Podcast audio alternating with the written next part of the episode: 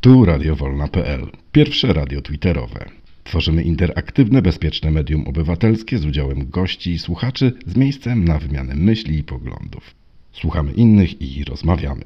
Zapraszamy na żywo do naszych cyklicznych, autorskich audycji w pasmach tematycznych i edukacyjnych. Znajdziecie nas w przestrzeni Twittera na profilu radiowolna.pl. Nasze podcasty publikujemy na kanale YouTube, Facebooku, a także innych platformach podcastowych.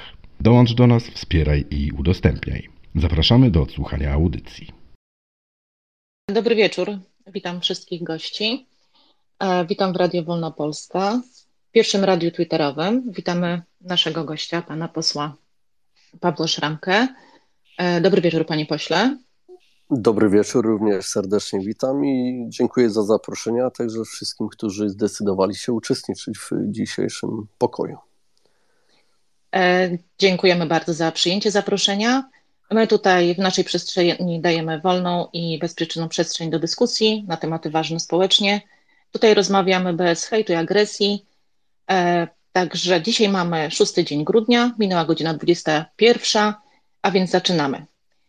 E, szanowni słuchacze, naszym gościem jest e, pan poseł Paweł Szramka, poseł na Sejm 8 i 9 kadencji, niezrzeszony, absolwent Wyższej Szkoły Bankowej w Toruniu, i podyplomowych studiów menedżerskich, specjalista od logistyki, zawodowy żołnierz.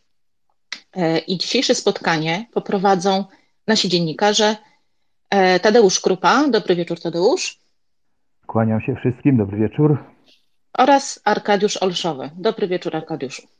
Dobry wieczór. Jest z nami jeszcze Witold Pronobis, e, także dziennikarz, redaktor, były redaktor rozgłośni Polskiej Radio Wolna Europa. Tak jest, Miło wspierał będzie tak. tak. Dobry wieczór, panie witam. Witoldzie. Witam, witam. E, dzisiejsze spotkanie e, to e, życie na podsłuchu. I zanim oddam moim kolegom przestrzeń, słowem wstępu pozwolę sobie na krótkie odniesienie się do działalności pana posła, intensywnej. I przyznam się szczerze, że nie jest to łatwe. Złożył pan 624 interpelacje i 113 zapytań, którym nadano bieg.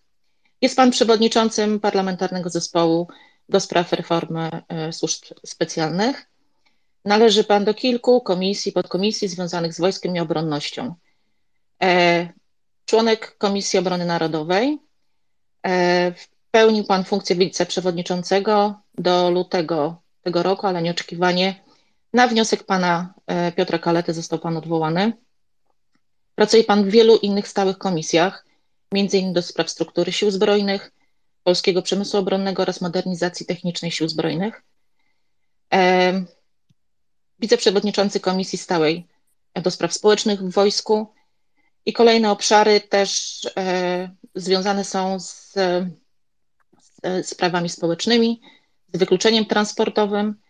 E, na, pracuje Pan na rzecz poprawy dróg i rozwoju transportu publicznego Muszę jeszcze powiedzieć, e, że mm, pan poseł jest też e, wolontariuszem Szlachetnej Paczki, propagator e, ścieżek rowerowych, aktywista lokalny, autor książki o sztuce mówienia i prezentacji Mówca. Panie pośle, jest pan znany z tego, że dogryza pan PiSowi na sali sejmowej, w memach i we wpisach w social mediach. Potwierdzam. E, I jeszcze tylko zadam jedno króciutkie pytanie, jakby mógł Pan dosłownie odpowiedzieć w dwóch zdaniach. Czy służby specjalne ze swojej nazwy wymagają specjalnego traktowania? Mm, służby specjalne jak najbardziej wymagają mm, specjalnego traktowania, a przede wszystkim poważniejszego traktowania. E, a mam wrażenie, że tak się nie dzieje, dlatego też e, wydaje mi się, że powstał zespół, o którym e, pani wspomniała, czyli zespół parlamentarny do spraw reformy służb specjalnych, w który udało się zaangażować e, kilku polityków opozycji i co najważniejsze, kilku naprawdę bardzo dobrych, ciekawych ekspertów. Mhm. Dziękuję bardzo. Ja myślę, że jeszcze będziemy nieraz wracali właśnie do tego e, tutaj, do tej kwestii, i w tej chwili oddaję naszą przestrzeń naszym kolegom. Dziękuję bardzo. Tadeusz Krupa, zabieram głos. Y, panie pośle, a może na początek pozwolę sobie powitać pana Roberta Smolenia, autora świeżo wydanej publikacji zatytułowanej Jak uzdrowić Polskę. Być może wkrótce będziemy przyglądać się tej publikacji i sprawdzać, jak uzdrowić Polskę. Y, myślę, że o tej sprawie uczestnictwa szpiega rosyjskiego w, w, likwidacji właściwie wojskowych służb informacyjnych, czyli polskiego wywiadu i kontrwywiadu, y, jeszcze wspomnimy w trakcie, ale chciałbym zacząć jednak od głównego tematu naszego spotkania. A starałem się przygotować, panie pośle, bo wiadomo, temat niecodziennie analizowany przez ludzi ani przez dziennikarzy. Więc powyciągałem różne materiały, z których na początku dowiedziałem się, że służby specjalne w Polsce, prawda, to jest Agencja Bezpieczeństwa Wewnętrznego, Agencja Wywiadu i Centralne Biuro Antykorupcyjne. To podobno taka ustawowe, ustawowa regulacja jest, czyli trzy y, różne działa, działki y, w tej dziedzinie. Natomiast sięgam dalej, okazuje się, że nie, bo w Sejmie powołano zespół, który za służby specjalne, czyli Sejm uważa za służby specjalne Agencję Bezpieczeństwa Wewnętrznego, Agencję Wywiadu, Służba Kontrwywiadu Wojskowego, Służba Wywiadu Wojskowego i znowu Centralne Biuro Antykorupcyjne. A więc bardzo szeroko. W dalszej części dowiaduje się, że są osoby, które są, dziwią się temu, że Agencja Bezpieczeństwa, e, Agencja Antykorupcyjna, Centralne Biuro Antykorupcyjne, że mi się te nazwy mylą, jest e, uznawane za służbę, służbę specjalną, ponieważ podobno nie spełnia takich kryteriów. No więc oczywiście dla mnie jako dla laika to jest jakiś galimatias. Właściwie jak pan się w tym obraca? W końcu, które służby pan uważa za specjalne, a których nie? Odpowiadając najprościej, służby specjalne to służby wywiadu i kontrwywiadu, cywilnego jak i wojskowego. Czyli w to słusznie nie wpisuje się Centralne Biuro Antykorupcyjne, które jest służbą typowo policyjną. I myślę, że bardzo ważne jest, żebyśmy to rozróżniali, e, bo służby wywiadu i kontrwywiadu to są służby, które działają na rzecz państwa polskiego, na rzecz naszego bezpieczeństwa. Natomiast jeśli pojawia się hasło służby specjalne i pierwsze, co przeciętnemu Polakowi przychodzi na myśl, to CBA, no to niestety takie służby nie kojarzą się zbyt dobrze, bo zazwyczaj kojarzą się z tym, że e, wczesnym rankiem wyprowadzają kogoś w kajdankach z domu. Tak więc to jest również rolą zespołu i mam nadzieję, że jeśli w przyszłości będą jakieś nowelizacje ustaw, to e, te CBA wyciągniemy z tego parasola służb specjalnych, bo nigdy tam nie powinny się znaleźć. Czyli jednak reforma jest niezbędna, tak? Jeszcze e, posłużę się opinią jednego e, z czytelników, który widocznie zna się na sprawie i uznał, że za największe nieszczęście naszych służb specjalnych powiedzmy tych, które Pan wymienił, jest to, że choć według prawa działają autonomicznie, mają własne kompetencje i tak to partie polityczne w ogóle mają za nic te zapisy i traktują te służby jako łup wyborczy i po wyborach zwycięska partia uważa, że to są jej służby i jej powinny służyć, a nie całemu narodowi. Rzeczywiście dostrzega Pan taki proces, takie zjawiska? Tak, dostrzegam próbę upolityczniania służb specjalnych. Też wydaje mi się, że Często bywa tak, że politycy partii rządzącej mm, próbują rolę służb specjalnych wykorzystać do tego, żeby łapała haki na oponentów politycznych, co jest y, niepoważne, bo ci oponenci polityczni za chwilę mogą być u władzy i również z tymi służbami specjalnymi będą współpracować. Należy jak najbardziej oddzielić służby specjalne od y, polityki, od wpływów politycznych, a jak najbardziej zachęcić do współpracy na rzecz państwa czyli współpracy z e, rządzącymi, ale nie na takiej zasadzie, żeby po prostu łapać haki, a żeby dostrzegać i wykrywać zagrożenia, niebezpieczeństwa, które e, mogą zagrozić naszemu państwu. Jakie są główne powody tego, że Państwo zdecydowali się pracować nad reformą tych służb? No powodów jest wiele. Jeden z nich no to właśnie problemy w w tym, że miesza się z Centralne Biuro Antykorupcyjne z innymi służbami. Kolejna sprawa to absolutne niedofinansowanie służb specjalnych. Wystarczy zauważyć, że budżet Agencji Wywiadu i Agencji y, Bezpieczeństwa Wewnętrznego jest y, bardzo podobny do tych budżetów z ostatnich lat. A przypominam, jeśli nasi rządzący się nie zorientowali, że mieliśmy poważny kryzys na granicy z Białorusią, a teraz mamy wojnę za granicą w, na Ukrainie. I w takim momencie e, być tak nieodpowiedzialnym, żeby nie dofinansować, nie wzmocnić e, służb, które mają działać na rzecz bezpieczeństwa państwa, to jest e, w mojej ocenie wręcz sabotaż. Natomiast możliwe jest, że po prostu nasi rządzący nie orientują się za bardzo, czym te służby tak naprawdę się zajmują, czy też czym powinny się zajmować, jeśli tym się za bardzo nie interesują, bo można można usłyszeć z ust byłych szefów służb, że kiedy pełnili swoje funkcje, to w, do ogromnej rzadkości e, zaliczać można było sytuacje, w których spotykali się z najważniejszymi politykami w państwie, a przecież właśnie to ci politycy kreują politykę w Polsce i z, z, informacjami, które pozyskują służby, powinny być jak najczęściej i w jak najlepszym stopniu zaznajomieni. Czy myśli pan, że. Jeśli można. Y, to... Tak, proszę, proszę. Mhm. Arek, tak? Tak, w międzyczasie y, krótkie pytanie. Mówił Pan o dofinansowaniu, czy konieczności dofinansowania służb specjalnych w Polsce, ale czy to nie jest taka trochę sytuacja jak z TVP, że idą ogromne pieniądze i w zasadzie te pieniądze tak naprawdę wprost idą po to, żeby nam e, robić propagandę, która ma tylko jeden i wyłącznie jeden cel, zmierzam do tego, czy faktycznie te służby działają w tej chwili na tyle sprawnie, a informacje, jakie do nas docierają co rusz, no niestety świadczą o czymś zupełnie innym, żeby teraz w te służby pakować tam jakieś jeszcze większe pieniądze. Myślę, że wszystkie wtopy, które były zaliczone przez nasze służby, są niestety, mm, ale motywowane jakimiś działaniami politycznymi. Słyszeliśmy między innymi, że właśnie służby były zaangażowane w zakupy tych respiratorów czy, czy maseczek, które przyleciały Antonowem mm, to nie jest do końca zadanie służb, a nawet jeśli służby w tym biorą udział, to powinny robić to tak, żebyśmy my o tym nie wiedzieli.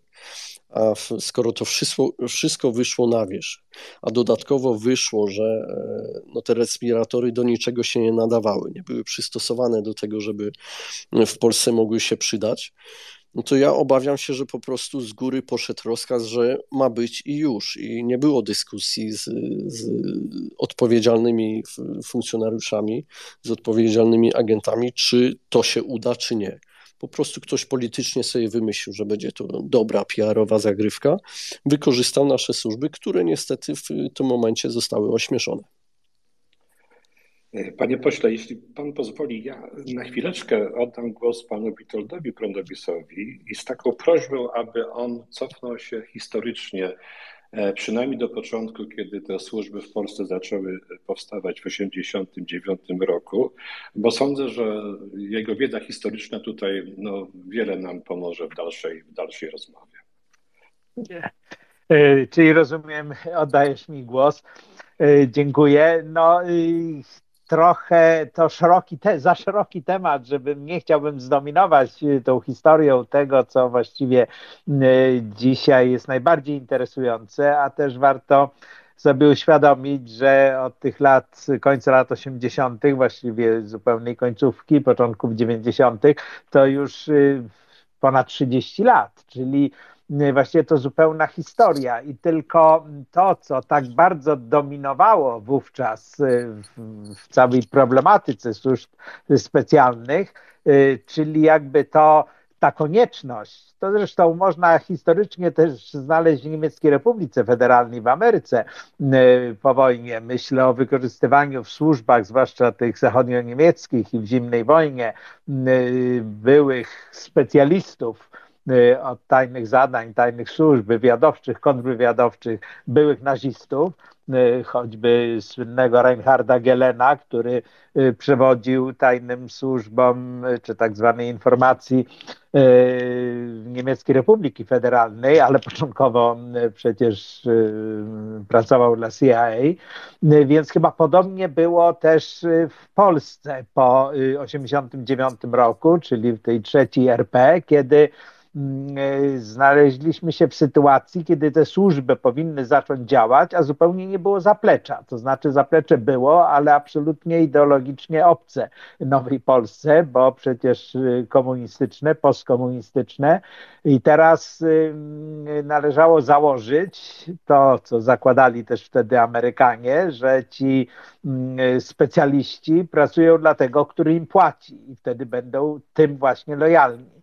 Natomiast tak niekoniecznie było.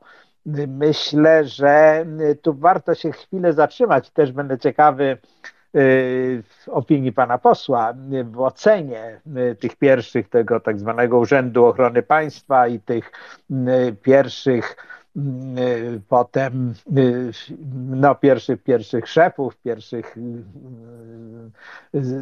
zresztą te nazwiska nie były ukrywane. Oni, co też chyba jest trochę zaprzeczeniem istoty tajnych służb.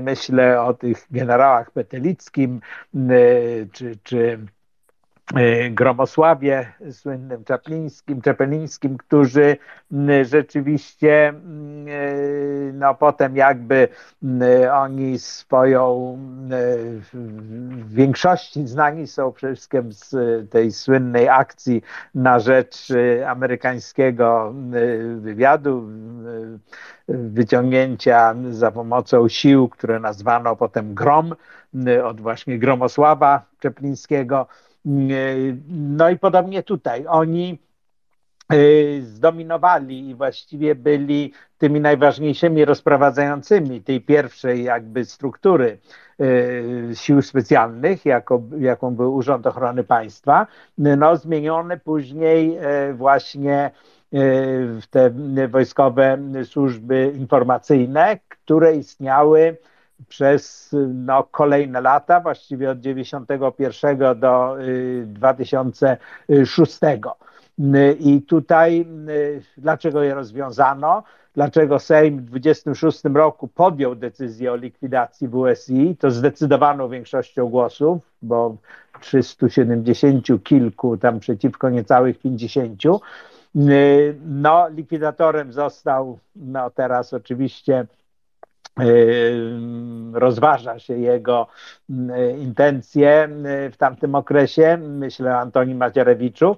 W każdym razie ta likwidacja podsumowana w raporcie o działaniach pracowników WSI dokumentowała no, nazwijmy to bezprawne działania tych służb, jak nielegalne źródła finansowania, Y, w tym przemyt sprzętu elektronicznego, jakieś przyjmowanie majątków zmarłych Polaków za granicą, sprzedaż broni terrorystom arabskim, afera FOS, o, to jest, była też taka głośna sprawa. No, a, y, ale przede wszystkim rosyjska penetracja y, tych służb, co ułatwiał fakt, że kadry zdominowane były przez osoby szkolone w końcu w radzieckich akademiach KGB czy GRU, no i właściwie zaniechania, praktycznie zaniechania kontrwywiadowczego, kontrwywiadowczej działalności względem radzieckiej, a potem rosyjskich y, służb specjalnych. Znane były fakty libacji z udziałem agentów KGB, tolerowanie szpiegostwa. Fakt, że kilku y, szpiegów, którzy no jakby donosili dla sowieckich, a potem rosyjskich służb wykryto, zaledwie kilka, chyba z pięć, myślę, że było ich dużo więcej. Natomiast ani razu, czy nie było jednego nawet przypadku, żeby odkryto szpiega rosyjskiego w Polsce, co przecież było zupełnie niewątpliwe. Więc y, to tyle, jeżeli chodzi o taki krótki rys historyczny tych pierwszych y, służb, czyli właśnie Urzędu Ochrony Państwa i tych wojskowych służb informacyjnych.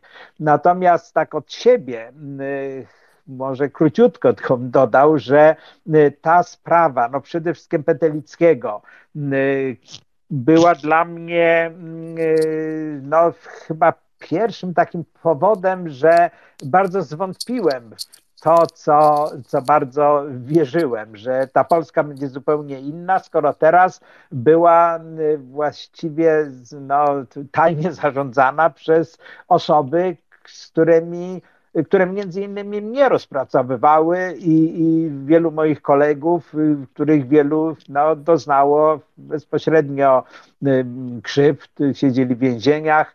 Y, nasze starania o przesyłanie, do kraju czy, czy tajnych, tajnej pomocy, maszyn drukarskich i tak dalej była właśnie przez owe dwie osoby mniej lub bardziej skutecznie, ale jednak niszczona i, i tym się zajmowali. I potem nagle znaleźli się po tej stronie. Tak moralnie trudno mi się było z tym, y, z tym pogodzić. Ale z drugiej strony, no choćby z tego przykładu Gelena, wynika, że chyba za bardzo innego wyjścia nie było. Y, to może tyle tytułem wstępu i takiej też ciekawości, co pan poseł na te, te moje dywagacje, takie no, trochę historyczne, a trochę osobiste, yy, powie, co, jak mógłby je skomentować. No, chyba słusznie Pan zauważył, że mamy za mało czasu, żeby tak porządnie zagłębić się w temat. Ja słyszałem wiele opinii o likwidacji WSI. Na pewno to, co można powiedzieć, to trzeba zawsze uważać, żeby nie wylać dziecka z kąpielą, bo w, nawet w, w WSI byli już y, funkcjonariusze, którzy chcieli po prostu służyć dla naszej ojczyzny. A w momencie, kiedy no, doszło do usunięcia tej służby, kiedy wierni y, funkcjonariusze e, poszli na bruk, no to na pewno stworzyliśmy niebezpieczną lukę, żeby nimi ktoś się zaopiekował. Jeszcze pół biedy, jak nimi ktoś się zaopiekował w Polsce, jakieś firmy polskie, które mogły wykorzystać ich wiedzę, doświadczenie. Ale gorzej, jeśli zainteresowały się nimi e, siły z poza granic naszego państwa. Dlatego z, z, jednej strony słusznie pan powiedział, że wymagana była likwidacja tych służb, natomiast e, czy zrobiono to w taki sposób, że nie zrobiliśmy sobie również dużej szkody, no to tu już pewnie byśmy mogli długo dyskutować. No właśnie, jeśli też jeszcze, bardzo podobne wiemy, zdanie. Tak. Jeśli jeszcze wiemy, że w procesie likwidacji uczestniczył szpieg rosyjski, to już w ogóle jest katastrofa przecież, prawda? No ale wracamy do, do dzisiejszych służb. Y, na marginesie, y, tutaj ja y, spotkałem taką publikację pana Adama Jawora, to jest pułkownik kontrwywiadu, już teraz w rezerwie, i on pisze, że właściwie te różne firmy, które składają się na te służby, rywalizują. Tu nie ma współpracy podobno rywalizują, no nie wiem o co, o łaskę y, jakichś tam swoich mocodawców.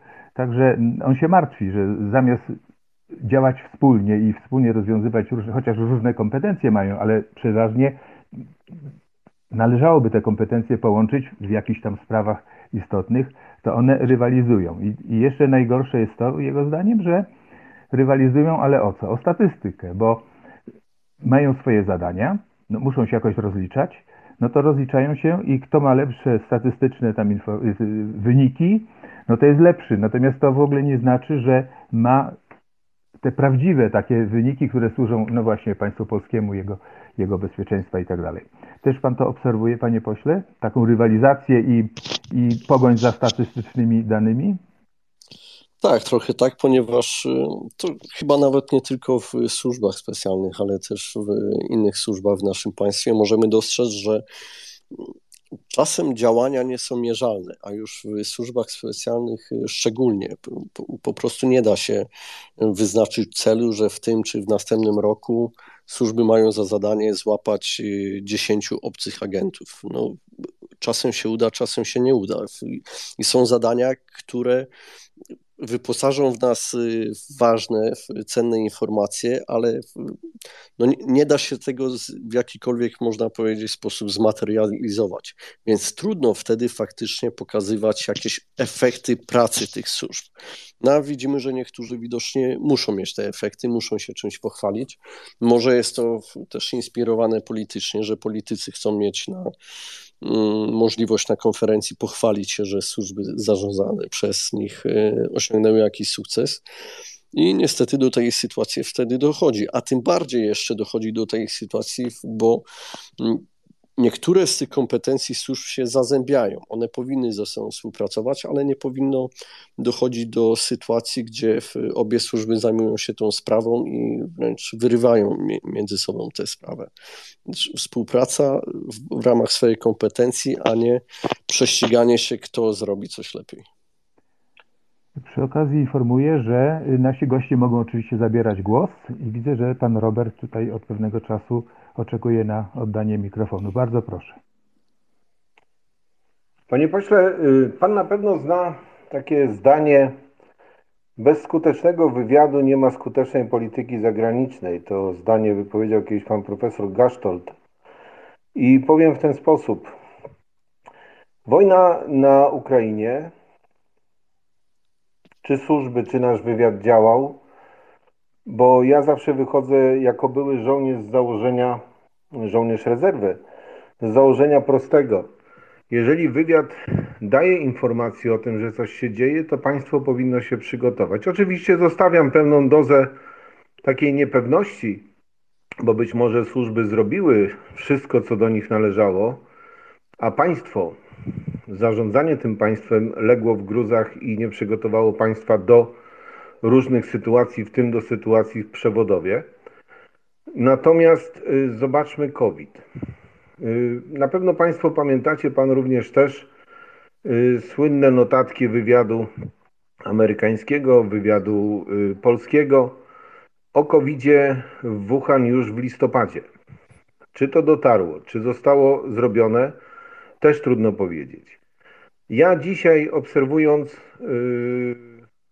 sytuację na Twitterze, w ogóle w mediach społecznościowych, po tym, co się wydarzyło y, po aresztowaniu pana Tomasza L., zastanawiam się, kto tak właściwie przeprowadził i w jakim stanie służby specjalne, typowe służby specjalne, o których mówiliśmy na samym początku, dzisiaj są w Polsce.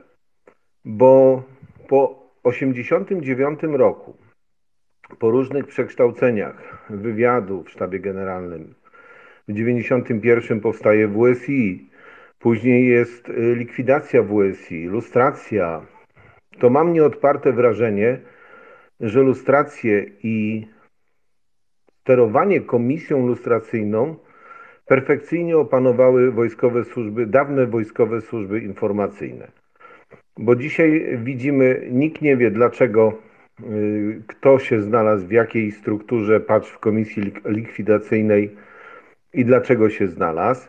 Y, dokumenty, które dzisiaj na Twitterze i y, na Facebooku się pojawiają, wyciekające, ja tak to nazywam i mówię to bardzo odpowiedzialnie, wyciekające z Biura Ochrony Informacji Niejawnych i to z jednej strony politycznej i z drugiej przerzucają się panowie różnymi dokumentami. I najważniejsza rzecz, czy te służby w Polsce muszą działać medialnie? Im ciszej zawsze o służbach było i powinno być, tym skuteczniejsza jest ich praca, według mnie. To tyle na, na, na sam początek. Zgadzam się, panie Robercie, że służby powinny y, działać po cichu, że nie powinniśmy za dużo wiedzieć y, o ich pracy, żeby przede wszystkim nie przeszkadzać w tej pracy. Natomiast myślę, że ogromnym błędem jest też to, że od y, wielu lat, ja przynajmniej nie słyszałem szczegółowych konferencji e, czy to szefów służb, czy w, w towarzystwie ministra koordynatora, w których wyjaśnialiby, co, co robią, czym się zajmują, jak działają na rzecz bezpieczeństwa naszego państwa. I w momencie, kiedy nie ma rzetelnej informacji, pojawia się przestrzeń na dezinformację. Jeśli mamy te dezinformacje, to ona przeszkadza i Polakom, i oczywiście naszym służbom. Mm, nie powinno do tego dochodzić. Obawiam się niestety, że e, to myślę, że nie obawiam się. Jestem przekonany, że brakuje właściwego nadzoru i kontroli nad służbami specjalnymi z pozycji parlamentu. Nawet jeśli ta kontrola jest, to jest ona jedynie przez y, partię, która w danym momencie rządzi. Bo co się dzieje na Komisji do Spraw Służb Specjalnych, y, nie wiemy, ponieważ y, jest ona utajniona. Mm, nie wiemy, jakie zapadają tam decyzje, o czym się mówi. Natomiast słyszałem, że przychodzą przedstawiciele służb i mówią tyle, ile chcą, bo zawsze mogą się zasłonić e, tajemnicą. A z drugiej strony też bywając na utajnionych komisjach obrony narodowej, kiedy to zamykają nas w puszce po to, żeby nikt nie słyszał, co my mówimy w środku, mam takie mm, smutne doświadczenie, że na tych posiedzeniach i tak niczego nowego się nie dowiadujemy. E, mogę chyba ze swojego doświadczenia śmiało powiedzieć, że wszystko, co usłyszałem na utajnionych komisjach obrony narodowej, wcześniej słyszałem już e, w mediach publicznych, e, w mediach e, ogólnodostępnych. Tak więc nie zdradzam żadnej tajemnicy. Gdyby coś takiego się pojawiło, co, czego nie ma w obiegu publicznym, to oczywiście bym o tym nie mówił. Natomiast ja takiej informacji nie pamiętam i jeśli bym spytał innych posłów z Komisji Obrony Narodowej, podejrzewam, że mieliby podobne odczucia. Panie pośle, ja wyobrażam sobie, że są wśród nas, e, panie Robercie, też przepraszam za, za, że wchodzę w tej chwili, e, są wśród nas osoby, które z całą pewnością biegłe są w temacie, który dzisiaj poruszamy, ale mam taką prośbę, gdyby pan był uprzejmy dla osób, które niekoniecznie muszą mieć tak ogromną wiedzę jak pan, czy chociażby pan Robert, który przed chwilą zadawał panu pytanie, e, jaka jest właściwie rola służb specjalnych takim kraju jak nasz w Polsce? Rola służb specjalnych to przede wszystkim wykrywanie zagrożeń wewnątrz i zewnątrz naszego państwa, które może wpłynąć na bezpieczeństwo Polski. To myślę, taka najkrótsza definicja.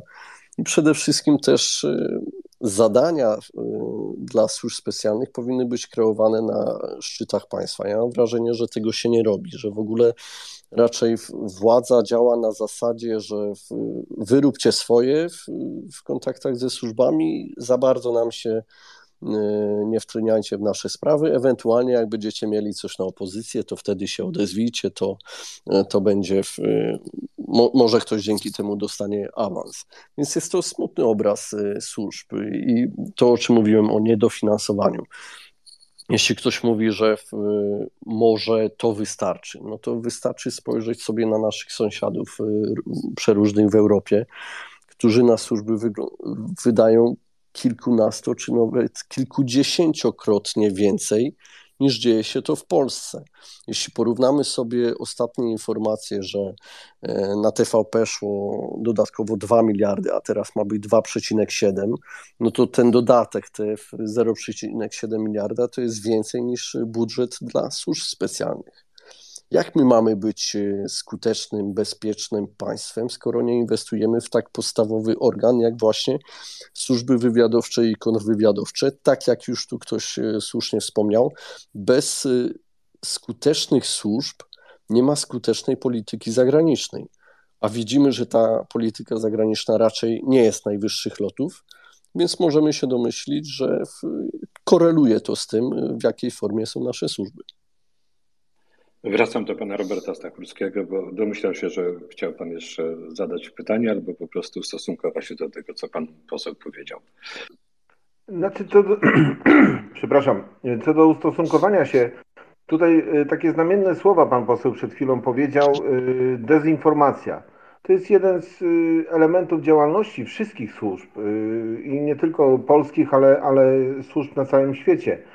Niemniej jednak ja osobiście tak y, mam do Pana pytanie, czy pracując nad reformą, y, czy analizując to, co było w Polsce, to co jest w Polsce, nie, zastanowicie, nie zastanawiacie się panowie, czy panie też również w tej komisji, podkomisji, czy nie jest za duże rozdrobnienie, nie istnieje w Polsce służb? Kiedyś, y, powiem szczerze, była taka koncepcja y, w Polsce i to nawet przez obecnych rządzących y, promowana stworzenia jednolitej, jednolitej agencji narodowej, Narodowej Agencji Bezpieczeństwa, coś w tym rodzaju. Ja powiem szczerze, pomimo, że mogę się nie zgadzać z wieloma sytuacjami i z wieloma sprawami przez obecnie rządzących promowanych, aczkolwiek uważam, że tu przydałaby się taka agencja, y, bo to się przewija od 89 roku ta nazwa.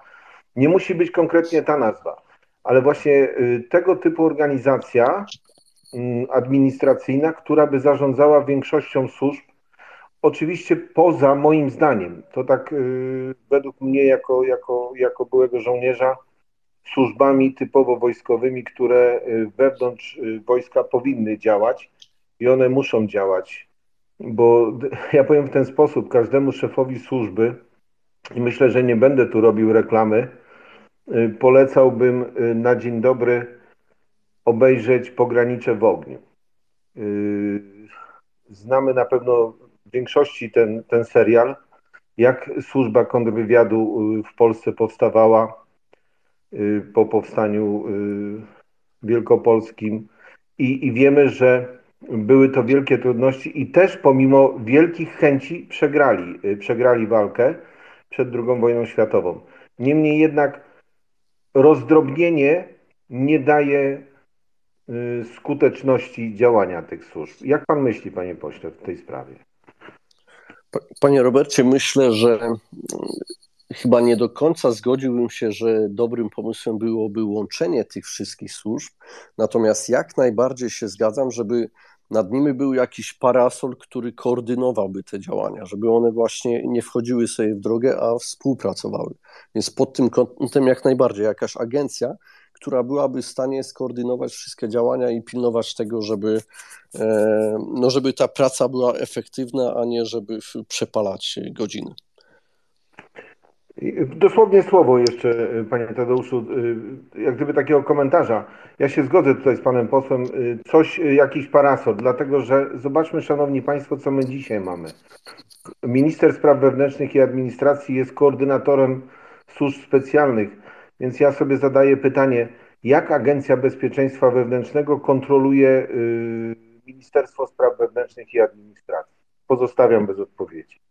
No dokładnie, to jest bardzo ważna kwestia, którą e, pan, pan, poruszył. W ogóle łączenie jednej i drugiej funkcji dla mnie już jest dyskwalifikujące.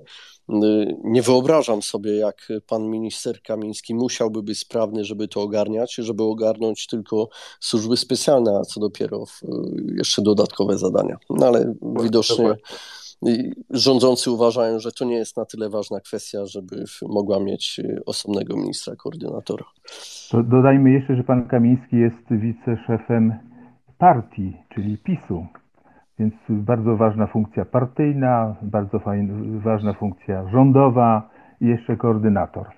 Kiedy przygotowywałem się do y, rozmowy z panem posłem, y, też czytałem, czym się właściwie powinny zajmować służby specjalne, jakie one mają zadania.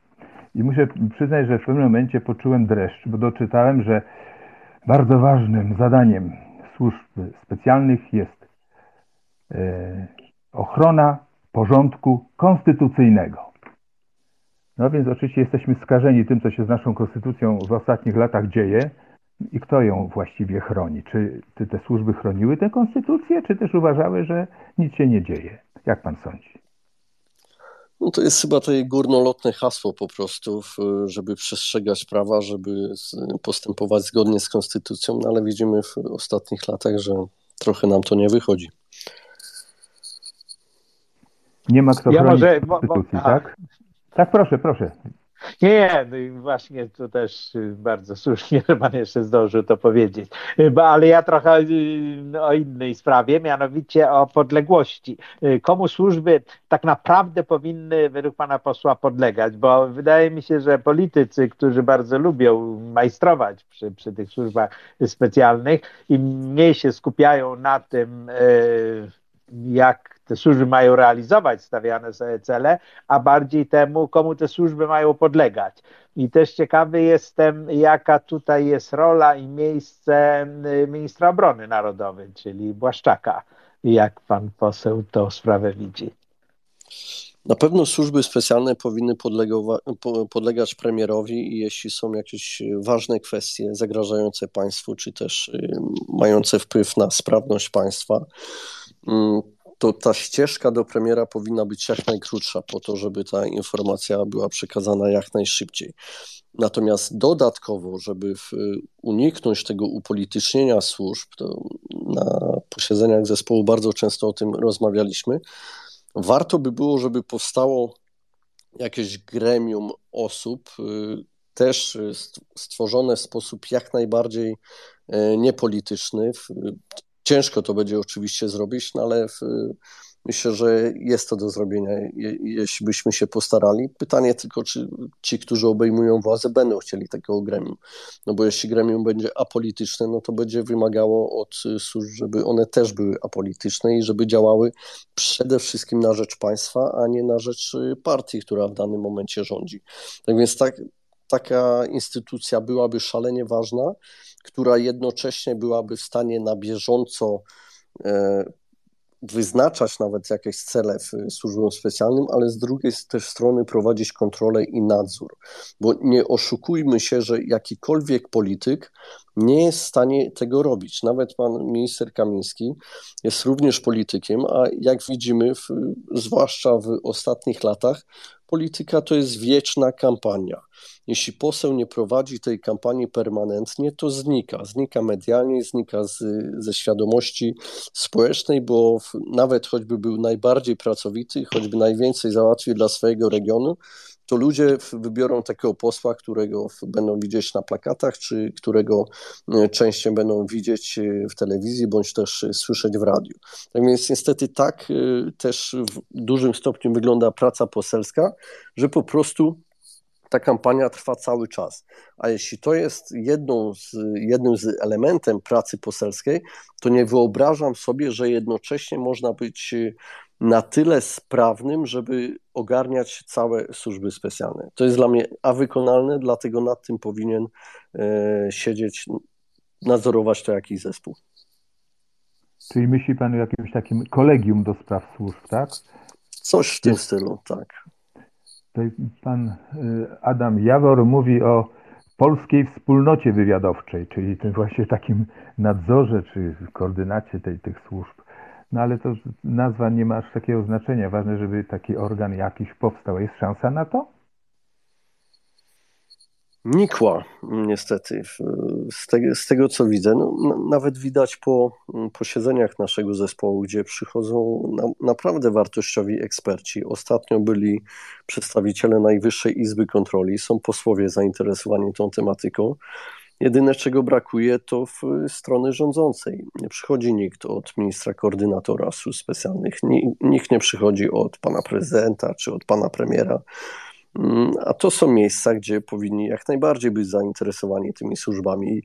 Nawet nie jest, y, bo domyślam że się, że tego szacunku międzypolitycznego szczególnego nie ma, ale z szacunku do ekspertów, którzy przychodzą, poświęcają swój czas i padają na tych spotkaniach konkretne wskazówki, które mogłyby usprawnić pracę tych służb. My nie jesteśmy po to, żeby krytykować w czambu wszystko, co jest, tylko żeby pokazać, gdzie można coś naprawić. I traktowanie tego w, w taki sposób, że w ogóle się tego nie szanuje, że nie próbuje się nawet wysłuchać tego, co mają do powiedzenia eksperci, no to to jest działanie w, w, mojej ocenie na szkodę państwa, bo jeśli widzimy, że te służby tak nie działają, jakbyśmy chcieli, jednocześnie mamy osoby, które podpowiadają nam, co można zrobić, a nie wsłuchuje się w ten głos, no to to jest takie olewanie trochę tych ekspertów. To jest niestety przykre i no domyślam się, że ci eksperci wiedzą, jak to doskonale wygląda, także nie mają pewnie jakiegoś żalu. Natomiast wszyscy liczymy, że w, może w następnej kadencji będzie rządził ktoś, kto podejdzie do sprawy poważnie. Dlatego trzeba o tym ciągle i głośno mówić, że to jest bardzo ważna sprawa i politycy nie mogą lekceważyć y, pracy służb specjalnych. Zapraszamy do zgłaszania się i rozmowy. Widzę, że John Kanaka, dobrze mówię? Proszę bardzo.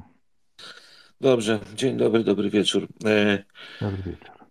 E, panie pośle, dwie sprawy. E, tak, była, padł, padł już temat, na, że służby jak gdyby chwalą się swoimi osiągnięciami i tak dalej, co nie powinno mieć miejsca, bo służby tajne powinny być tajne z zasady, z nazwy, z działania.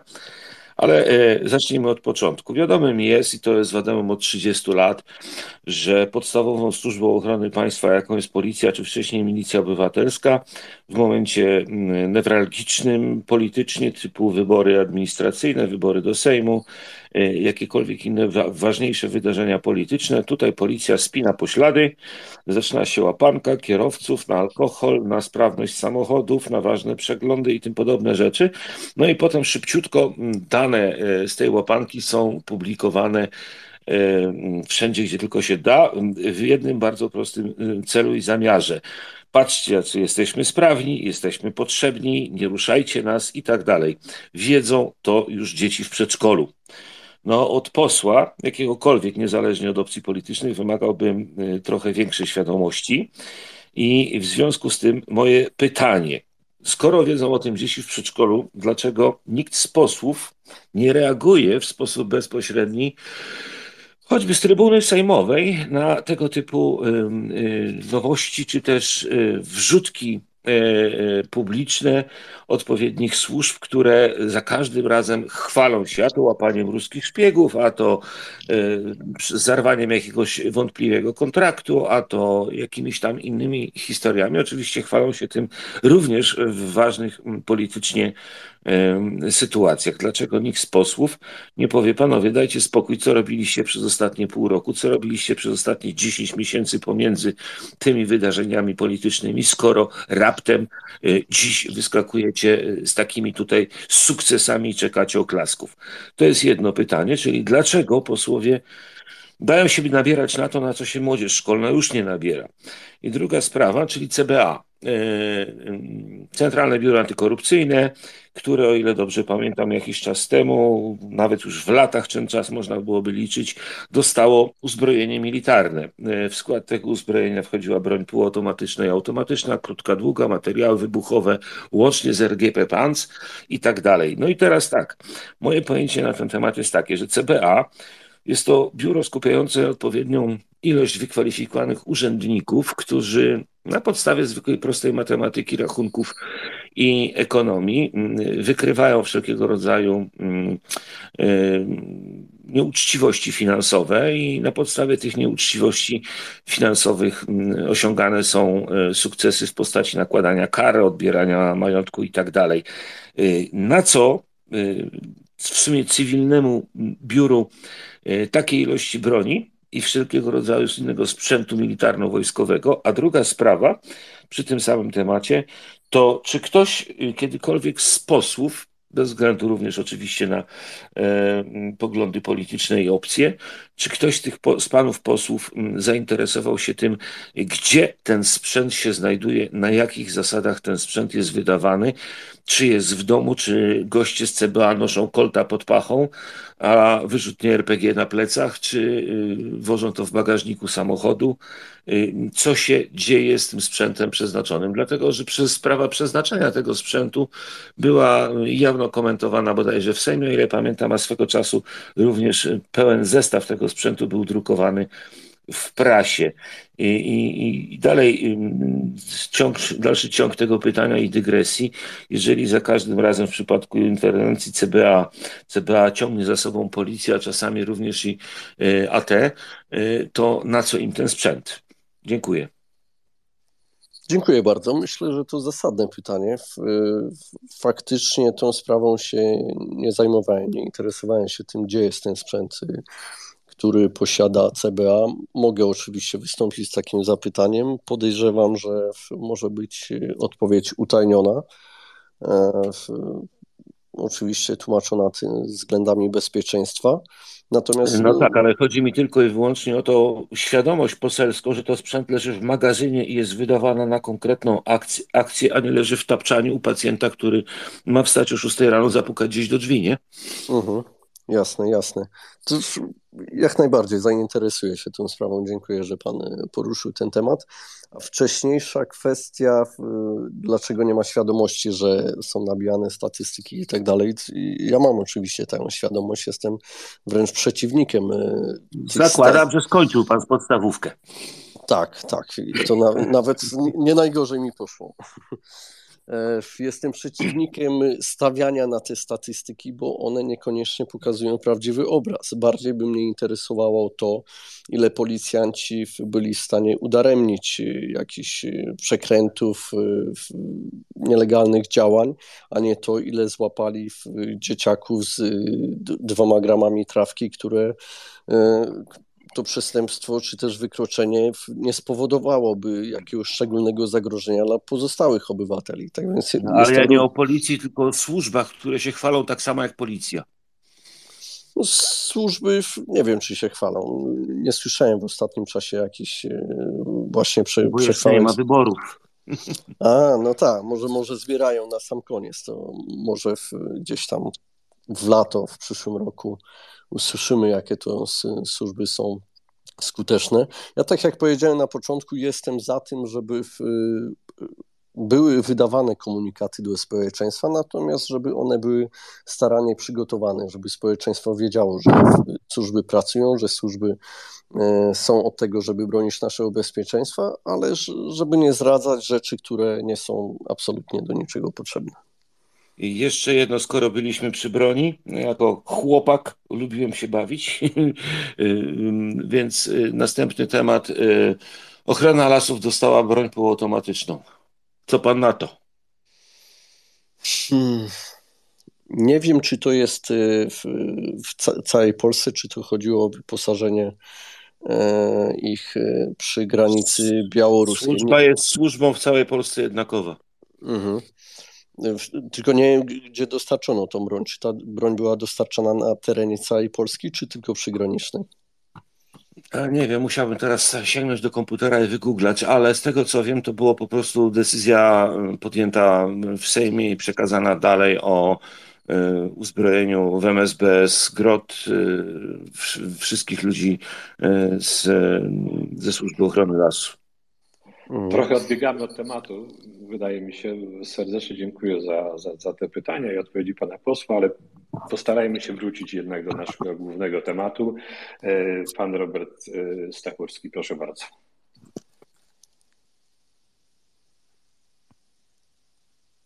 Ja mam takie pytanie, e, panie pośle, czy na tym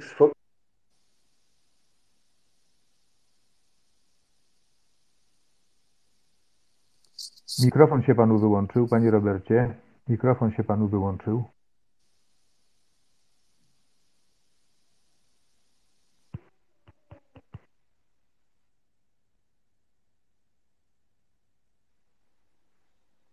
No chyba mamy mały problem, problem techniczny. techniczny tak. tak, tak.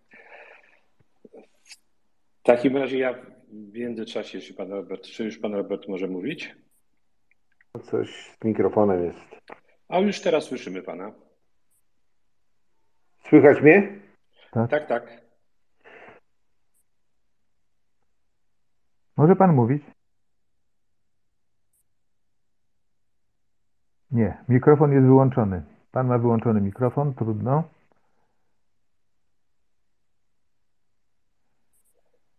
Takim no, razie. Tę awarię, awarię usunąć. Awarię musimy usunąć. Mateusz, bardzo bym Cię prosił, gdybyś tam mógł jakoś e, zainterweniować i pomóc panu Robertowi e, powrócić do nas i mieć możliwość e, uruchomienia mikrofonu. Natomiast, panie pośle, wydaje mi się, że tego tematu też nie unikniemy. Ja zadam takie być może dość naiwne pytanie jak pan sądzi, czy sprawa Pegasusa to w Polsce się kiedyś wyjaśni, czy my się tak naprawdę dowiemy, co tam się wydarzyło, czy po prostu będą to tylko jakieś takie przecieki, informacje, głównie od osób, które po prostu w tej kwestii zostały y, poszkodowane? Wątpię, szczerze mówiąc, że ta sprawa się wyjaśni. Zresztą wszystkie komisje śledcze, które do tej pory były w Sejmie, nie miały jakichś spektakularnych y, sukcesów. Zwłaszcza patrząc na to, że zostało nam do, do, wyborów niewiele ponad 10 miesięcy, to nawet jeśli ta komisja by powstała teraz, to wątpię, że będzie w stanie cokolwiek wykryć. Tak więc, no i, no i PiSowi nie jest na rękę, żeby oczywiście to mm, podnosić. Była szansa na przegłosowanie tej, mm, tej, tej uchwały o powołaniu komisji do spraw podsłuchów. Natomiast no, wycofał się wtedy Paweł Kukiz, który był za tą komisją. Nawet były propozycje, żeby on był przewodniczącym tej komisji. Natomiast y, chyba w momencie, kiedy wybuchła wojna, albo kiedy zaczął się ten kryzys na granicy polsko-białoruskiej, to wtedy padły słowa, że no to nie jest odpowiedni moment na to, żeby zajmować się takimi sprawami. Ja wtedy pytam, kiedy jest ten moment. Jeśli okazuje się, że coś nie działa, no to chyba trzeba to załatwić jak najszybciej, a nie czekać, tym bardziej, że zagrożenia są coraz większe. Wie pan, za kilka tygodni temu robiliśmy na tej antenie taką audycję, której nadaliśmy tytuł Czy demokracja w Polsce się przyjęła? To nawiążę teraz do tego, bo wydaje mi się, że w państwie demokratycznym, gdyby okazało się, że władza podsłuchuje wykorzystując do tego e, program, czy program praktycznie, który służyć ma do ścigania i podsłuchiwania terrorystów, że ta władza podsłuchuje nie terrorystów, a opozycję, podsłuchuje zwykłych, normalnych obywateli, to myślę, że w państwie demokratycznym taka władza zbyt długo by się nie utrzymała. Natomiast u nas dzieje się to zupełnie inaczej. E, z czego to wynika według Pana? Myślę, że temat był na tyle umiejętnie rozegrany, żeby rozmyć wszystko, żeby pokazać Polakom, że to nie jest aż tak interesująca sprawa. Mm, należy zauważyć, że tych afer w Polsce mieliśmy już naprawdę wiele i ja się obawiam, że niestety Polacy trochę już się do tego przyzwyczaili, że każda nowa afera, która wycieka, no to jakoś tam jest grzana w mediach, czy też przez polityków z jednej czy z drugiej strony. Natomiast obywatele w, oczywiście są z, tym wszystkim oburzeni, oczywiście też jest to tematem ich rozmów. Natomiast efekt jest taki, że w końcu mówią, że tak i tak nic się nie zmieni, tak i tak nic nie zostanie wyjaśnione. Więc ilością tych afer i też sprycaniem wielu tematów doprowadziliśmy chyba do tego, że w, to nie są te kwestie, za które Polacy wyjdą na ulicę i będą martnąć w protestach. Panie pośle, Dziękuję za odpowiedź. Tak. Dobrze. Panie pośle, ta ostatnia sprawa schwytania tego szpiega zaczęła być przedstawiana jak małe show. Rzadko to się u nas zdarza, żeby konferencje prasowe, pasztowane i tak dalej. Oczywiście y, media tak zwane publiczne podchwyciły, ponieważ człowiek pracował w Urzędzie Miasta Warszawa, a tam wiadomo, kto jest prezydentem miasta, więc zaczęto tam łączyć te dwie historie. Po czym nagle się okazało, że to jest człowiek jak najbardziej z prawicy i zaczynał tak naprawdę działać już za prezydenta Lecha Kaczyńskiego, więc media tak zwane publiczne się trochę wycofały albo w ogóle zamilkły. No inne zaczęły grzać temat. Co to się stało, że, że taki rozgłos nadano tej sprawie? Domyśla się pan? To jest dobre pytanie. Może być tak, że e, za chwilę PiS ogłosi, że właśnie polskie służby skutecznie działają, skoro wyłapały tego, tę, tę osobę. E, a scenariuszy może być dużo więcej. Może to ma przykryć gorszą rzecz, o której nie usłyszymy przez to, że ta sprawa wyszła na jaw. Ja już e, jestem dwie kadencje w Sejmie, może dużo, może mało. Natomiast za każdym razem, kiedy wydaje się, że jest y, jakaś sprawa, która ruszy jednak y, sumienia y, obywateli, to się okazuje, że jest jakaś wjeżdża sprawa bardziej emocjonalna, bardziej chwytliwa medialnie, która jest w stanie bardziej rozgrzać te e, emocje wyborców o tej poprzedniej już nikt nie pamięta, więc możliwe jest, że ktoś po prostu popełnił błąd w działaniu i faktycznie wykryto tę osobę, a możliwe, że ktoś steruje tym tematem, żeby umiejętnie wykorzystać go do walki politycznej. Czyli znowu wykorzystanie służb specjalnych do walki politycznej. No, nie wiem, czy się uda wyrwać kiedyś nam z, z tego zaklętego kręgu. A przy okazji chciałbym, y, bo mamy chwilę, nie widzę, chyba że ktoś się zgłasza w tej chwili. Pan, pan Krzysztof się zgłasza. Robert, tak, pan Krzysztof, ale wcześniej pan Robert, y, który miał problemy techniczne. A, już I widzę, jest, że tak? nas powrócił, także panie Robercie, proszę bardzo. Bardzo proszę. Znaczy, y, nie wiem dlaczego akurat miałem problemy techniczne. Być może, skoro rozmawiamy o służbach, to taka dygresja. Pozdrawiam wszystkich do, dostawców pizzy w takim razie. Tak, pozdrawiam wszyscy. Panie pośle, mm, ja sobie otworzyłem ustawę antyterrorystyczną i powiem panu w ten sposób. Wracając do naszego, do mojego pytania i pracy komisji, w której pan y, pracuje, y, reformującej służby. Czy panowie, panie się nie zastanawialiście mm, jako komisja, również z ekspertami, nad stworzeniem właśnie stanowiska y, komórki, ale konstytucyjnej komórki, tak jak powinien być prokurator generalny również w konstytucji według mnie, żeby nie grzebano przy nim nigdy więcej, y, która by nadzorowała służby. I wówczas y, na przykład wybierać szefa tej służby, niech to takie, może ktoś powie, że się przyczepiłem tej nazwy Agencji, Narodowej Agencji Bezpieczeństwa, niemniej jednak y, głosami trzech czwartych Zgromadzenia Narodowego czy Sejmu wybrać takiego człowieka, to po pierwsze y, dawałby prawdopodobnie, prawdopodobnie rękojmie mm, niezależności, ale druga sprawa, byłby to człowiek, na którego no po prostu wszystkie, wszystkie ugrupowania polityczne gdzieś w większości musiałyby się zgodzić, a więc pójść na kompromis, tak jak na przykład ostatnio, ostatni człowiek, który dzisiaj zajmuje stanowisko Rzecznika Praw Obywatelskich, po długich dywagacjach, po długich, długich dyskusjach, po prostu Sejm musiał pójść na ustępstwa. Ktoś ustąpić, drugi ustąpić i ten kompromis uzyskaliście jako posłowie. Dlatego myślę, że tutaj, jeżeli mówimy o nadzorze nad służbami, musiałby w Polsce powstać, to jest taka moja opinia, konstytucyjny organ, który faktycznie byłby podległy, niech będzie nawet marszałkowi Sejmu, jako, jako czy organowi ustawodawczemu, ale czy też bezpośrednio prezydentowi. Niemniej jednak konstytucyjny, i działający i będący tym parasolem, o którym Pan mówił, nad wszystkimi służbami.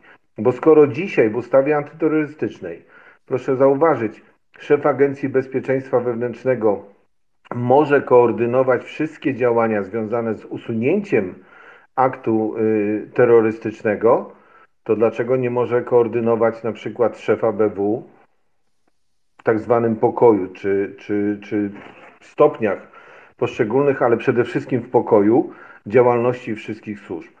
Nawiążę do tego, co panowie i panie mówiliście odnośnie informacji i tego, że nie słychać rzeczników prasowych. Proszę zauważyć, dzisiejszy rzecznik prasowy pana ministra Kamińskiego, on praktycznie przejął wszystko. I w działaniach tego rzecznika słyszymy tylko i wyłącznie pochwały i to, co się dzieje, ale tylko w kierunku Centralnego Biura Antykorupcyjnego. I myślę, że nawet jak mówimy o finansach tych służb, po pierwsze myli rzecznik, gdzie nie wie zaszeregować CBA, ale tylko i wyłącznie o finansach i o wyposażeniu, że CBA jest wyposażone, CBA zrobiło, CBA dało, CBA zabezpieczyło. I proszę zwrócić uwagę, CBA nawet dzisiaj zajęło się sprawą ratusza w Warszawie, pomimo że dochodzi do przekazania informacji niejawnych, gdzie właściwością właśnie Agencji Bezpieczeństwa Wewnętrznego są ochrona informacji niejawnych. Dziękuję. Zgadzam się z Panem absolutnie, że ta instytucja, która miałaby powstać, y, musiałaby być silnie umocowana prawnie. Dodatkowo na posiedzeniu zespołu też rozmawialiśmy o tym, że członkowie ta, tego gremium y, mogliby być y, wybierani kadencyjnie na jakiś dłuższy okres niż kadencja Sejmu, po to, żeby właśnie politycy nie mieli aż takiej możliwości y, mieszania i rotacji w y, tym zespole, po to, żeby on mógł się zająć spokojną pracą, bo członkowie, jeśli będą wiedzieć, że będą nieodwołani przez powiedzmy 6 lat, no to oni nie będą patrzeć na to, co, co tam na zapleczu gadają politycy, tylko będą mogli zająć się faktycznie swoimi obowiązkami. Rozumiem. Panie pośle, a w tym zespole, w którym pan przewodzi temu zespołowi, prawda? Kogo pan tam ma? Jakich posłów, jakich ugrupowań? E, w prezydium są jeszcze poseł Bartoszewski z PSL-u oraz poseł Tuduj z Konfederacji, a do tego są jeszcze posłowie e, z Lewicy. Mm, moment, wejdę, żebym się nie pomylił. Momencik. Jest na pewno poseł Andrzej Rozenek, e, poseł Gawkowski z Lewicy, poseł Szymański. Już mam przed sobą listę, mogę przeczytać Państwu wszystkich. E, poseł Adamczyk, poseł Obas Szczepański, poseł Michał Wypis z Porozumienia, poseł Bosak z Konfederacji y, oraz z Lewicy jeszcze poseł Krutul i Szopiński. Tak więc to, to jest... Znaczy, ze tak. Zjednoczonej Prawicy nikogo, tak? Nie, absolutnie ze Zjednoczonej Prawicy nikogo nie ma. Ja zapraszałem kilka posłów, y, kilku posłów z, z prawicy do tego, żeby dołączyć do tego zespołu. No podejrzewam, że nawet jeśli mieliby chęć dołączenia do takiego zespołu, no to dostali mm, przykaz z góry, żeby nie legitymizować tego zespołu, jakby nie pokazując, że są jakiekolwiek problemy ze służbami specjalnymi. No bo jeśli poseł partii rządzącej byłby w takim zespole do spraw reformy, no to można powiedzieć, że zgadza się z tym, że taka reforma jest potrzebna. I podejrzewam, że w takich, takich opinii właśnie Zjednoczona Prawica się bała. E, w takim razie teraz poprosimy o zadawanie pytań naszych e, kolejnych gości, naszych słuchaczy. E, osobą, która zgłosiła się jako pierwsza jest Krzysztof Esz. Tylko bardzo proszę, panie Krzysztofie, o zadanie pytania w miarę krótko i w miarę treściwie. Proszę bardzo. Postaram się w miarę krótko i treściwie. Najpierw się odniosę do pytania poprzedniego pana Pawła i pana Roberta związane z tym, Mm, rozumiem, organem który, konstytucyjny, który miałby powstać. Rozumiem, że to wymaga zmiany konstytucji. Jak panie Pawle albo panie Robercie chcecie zmienić konstytucję, jeżeli nie można tej konstytucji zmienić w takich podstawowych sprawach, jak na przykład kwestia referendum obywatelskiego, czy kwestia podniesienia e, bariery e, zadłużenia polskiego państwa. No ja myślę, że to są pewnego typu marzenia, ale chętnie pana Pawła, e, opinię pana posła wysłucham na ten temat, a teraz odnosząc się do kwestii związanej z narzędziami e, do inwigilacji. Jesteśmy ewidentnie w stanie wojny. Co prawda, jest to wojna na razie ekonomiczna i wojna informacyjna. E, I przypuszczam, a właściwie jestem przekonany o tym, że E, system Pegazów jest już systemem przestarzałym i polskie służby w związku z ścisłą współpracą wywiadowczą ze Stanami Zjednoczonymi dostały e, do swojej dyspozycji oprogramowanie, które jest dużo bardziej zaawansowane od tych rozwiązań, które były znane kilka lat temu. I czy uważa Pan, Panie Pawle, że tego typu narzędzia inwigilacyjne, skoro są stosowane przez wywiady innych państw, e, powinny być e, stosowane nawet w sposób agresywny w stosunku e, do polskich obywateli, którzy są podejrzani o popełnianie przestępstw. No bo jeżeli polskie państwo nie będzie miało praw do wykorzystywania takich narzędzi, to będą to robiły inne służby, którymi takimi narzędziami dysponują i będą używały tego w celu na przykład szantażowania, w celu wymuszeń i w celu osiągania Mm, osiągania innych, e, innych zadań, tak, wrogich w stosunku do naszego państwa. I jak ewentualnie te przepisy miałyby się zmienić dotyczące wykorzystywania takich narzędzi. Był taki pomysł Fundacji Pan, Pan, Panopticon, czy jak ona się tam zwie, przepraszam. Nazwy nie, mhm. Tak, e, nazwy nie pamiętam, żeby każda osoba, wobec której były stosowane systemy inwigilacyjne, była e, po umorzeniu postępowania e, poinformowana o tym, w jakim okresie i że tego typu proces został zakończony. Czyli tak, czy powinno być stosowane i czy nawet agresywnie i w, jak, w jaki sposób zmienić przepisy, żeby jednak chronić w jakiś sposób nasze prawa do prywatności. Dziękuję bardzo. Dziękuję za pytanie. Uważam, że takie narzędzia muszą być jak najbardziej stosowane, jeśli nasze służby mają być skuteczne i mają e, w, w sposób jak najlepszy zabezpieczać nasze państwo, na przykład przed e, atakami terrorystycznymi. Bez e, takich narzędzi trudno by było udaremnić taki atak. Tak więc potrzebujemy to na pewno. Z oczywiście zachowaniem e, wszelkich praw obywateli do prywatności, używania tego sprzętu tylko w momencie, kiedy mamy uzasadnione podejrzenie, że dana osoba może E, faktycznie stanowić jakieś zagrożenie dla państwa.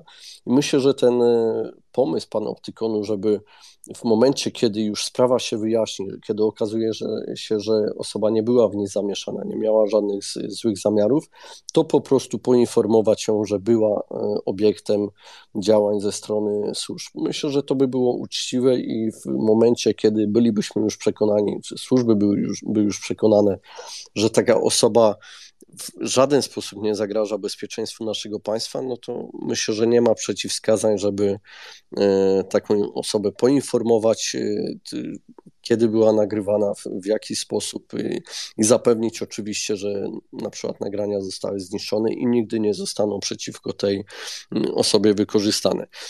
To nie jest właśnie wielkim problemem. Ja na przykład nie mam absolutnie problemu, jeśli e, nasze służby bardziej przyglądałyby się mojej działalności, gdyby miały podejrzenie, że ktoś w moim otoczeniu może wpływać w negatywny sposób na bezpieczeństwo państwa. Jestem absolutnie nie mam z tym problemu. Jeśli okazałoby się, że w moim otoczeniu jest ktoś taki, to nie mam problemu nawet, żeby służby podsłuchiwały mnie, jeśli to będzie skutkowało tym, że będą w stanie zabezpieczyć nasze państwo przed y, takim y, zagrożeniem. Natomiast musi to Dopytam, być oczywiście... panie pośle, a mhm. przestępstwa uh -huh. kryminalne albo skarbowe również? Czy tylko te zagrażające bezpieczeństwu państwa? Hmm, no tu już wchodzimy w taką bardzo delikatną sferę, jeśli chodzi o, o bez, o przestępstwa skarbowe, no to są chyba inne organy od, od tego, żeby ścigać takich e, przestępców i czy tu jest potrzebna aż e, taka mocna e, ingerencja naszych służb łącznie z podsłuchami? No to nie wiem, należałoby się nad tym zastanowić. Myślę, że takich sytuacjach warto by było, żeby na, nawet takie gremium, o którym e, mówiliśmy, że mogłoby być powołane, żeby ono indywidualnie podchodziło do tych spraw. Czy, czy wymaga to aż ingerencji, żeby posłuchiwać osoby, które dopuściły się przestępstw, e, czy nie. I wtedy też te gremium ponosiłoby za to odpowiedzialność. Jeśli ono byłoby apolityczne, no to mielibyśmy duże szanse na to, że właśnie nie jest to e, motywowane jakoś politycznie, a tylko i wyłącznie interesem państwa. Mm, a odpowiadając na pierwsze pytanie pana, że jest to trochę marzenie o zmianie konstytucji, no jeśli udałoby się przekonać większość sejmową, te trzy czwarte, o których mówi pan Robert, że należy wybrać przewodniczącego mm, takiej instytucji ogromną większością sejmową, no to to byłaby też możliwość, żeby wpisać ten zapis do konstytucji. Aczkolwiek ja nie wierzę, że w najbliższym czasie będzie taka możliwość, dlatego bardziej liczyłbym na to, że ustawą jesteśmy w stanie ustanowić e, taką instytucję, która nadzorowała, nadzorowałaby służby specjalne. Natomiast już sam wybór tych członków no, musiałby być e, robiony w taki sposób, żeby nie wybierali go sobie w politycy partii, która w danym momencie rządzi. Tu przykład e, Rzecznika Praw Obywatelskich jest świetny. Udało się go wybrać w jakimś konsensusie ponadpartyjnym. Natomiast pamiętajmy, że udało się to dokonać dzięki temu, że w Senacie nie ma większości ta sama partia, która rządzi w Sejmie. Gdyby było tak jak w poprzedniej kadencji, gdzie PiS miał większość i w Sejmie, i w Senacie, no to mielibyśmy w RPO ewidentnie z nadania politycznego partii rządzącej. Czyli główna zasada, główna zasada demokracji, tak? Nie, nie można dopuścić do tego, żeby w jednych rękach było, były wszystkie argumenty, narzędzia i cała władza. Ale to nawet, A... nawet prezes Kaczyński, nie pamiętam e, kiedy to Mówił, było. Tak, tak. Na, na pewno to było w czasie, kiedy on był w opozycji. Nie zacytuję teraz dokładnie, ale mówił, że nigdy nie jest dobrze, jeśli władza absolutna jest w władzach w, w jednych rękach, czyli prezydent, partia w Sejmie, Telewizja partia i w media. Senacie i, i media. Tak, to są jego słowa. No.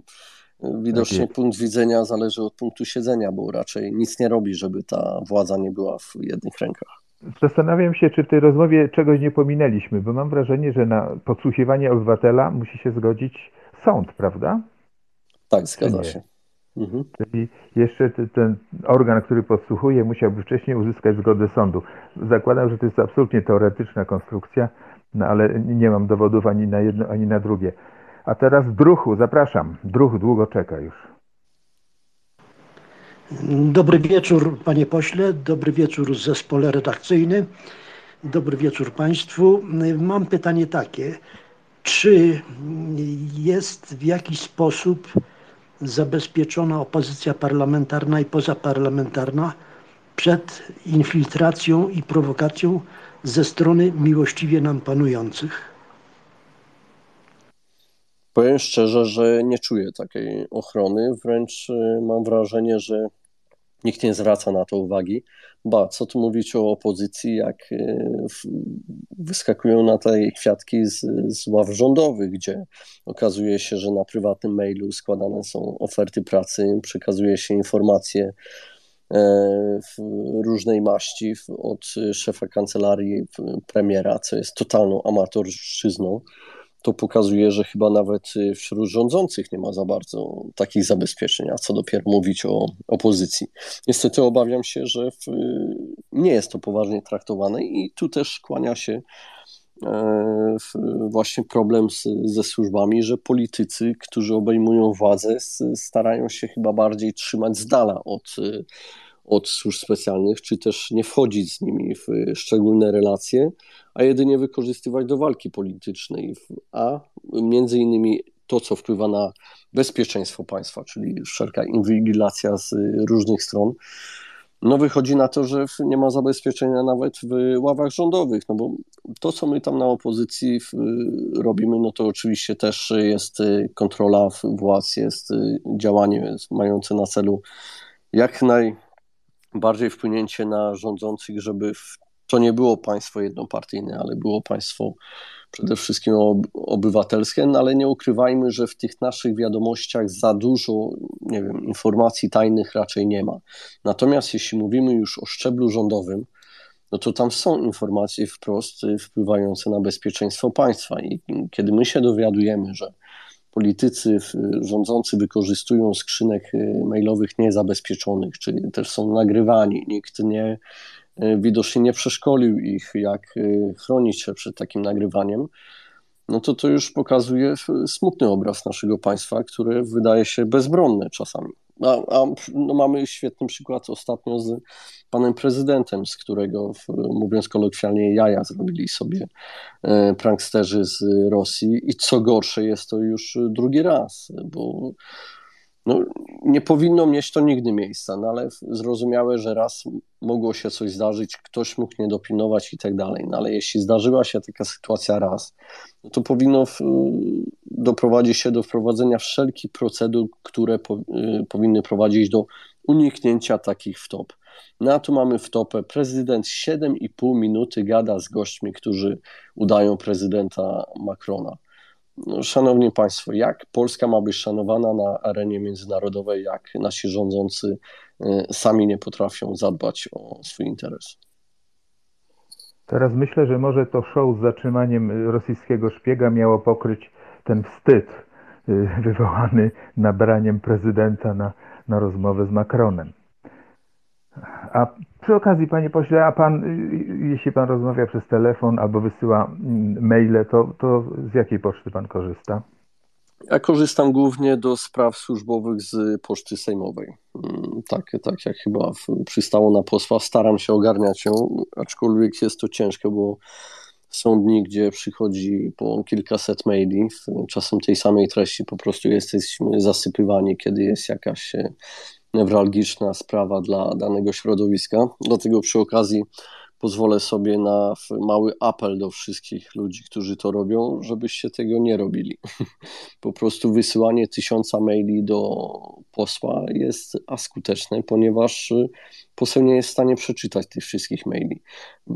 Absolutnie wystarczy, że gadacie się, wybierzecie jakiegoś reprezentanta, który się spotka z danym posłem i mu wyjaśni sprawę, o którą Państwo zabiegacie. Będzie to na pewno skuteczniejsze niż wysyłanie tych y, tysięcy maili.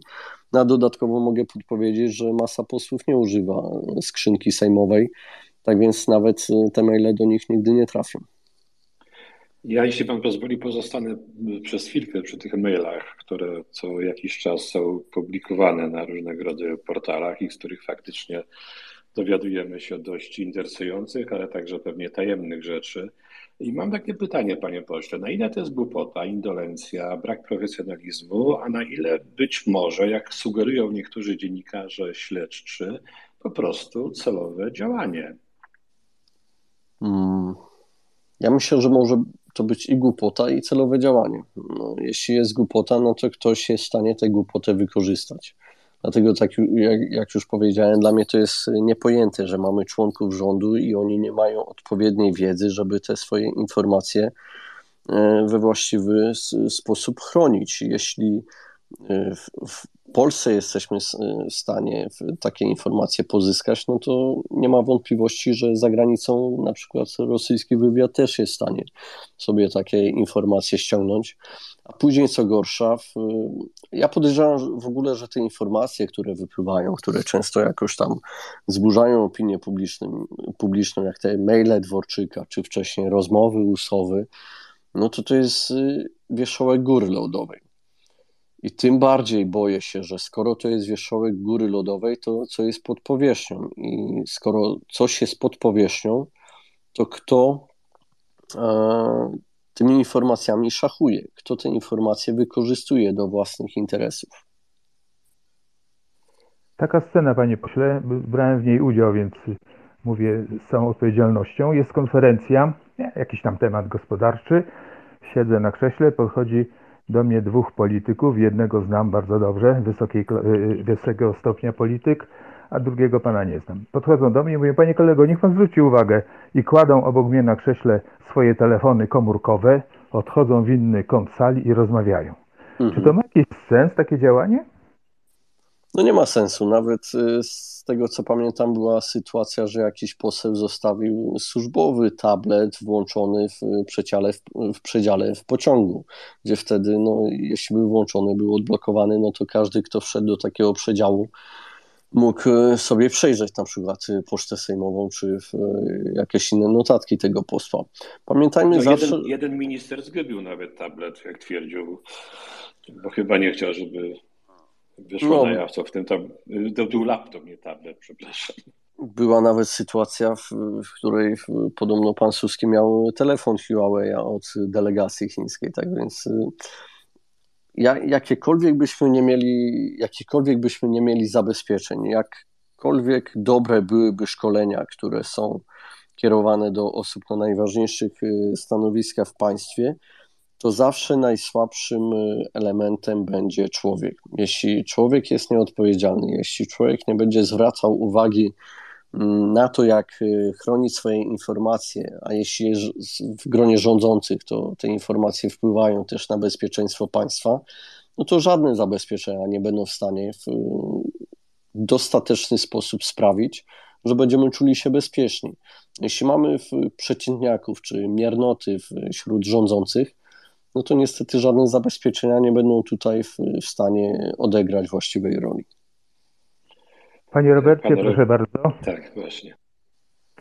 Chyba Krzysztof był wcześniej. A już nieważne, to za chwilę to.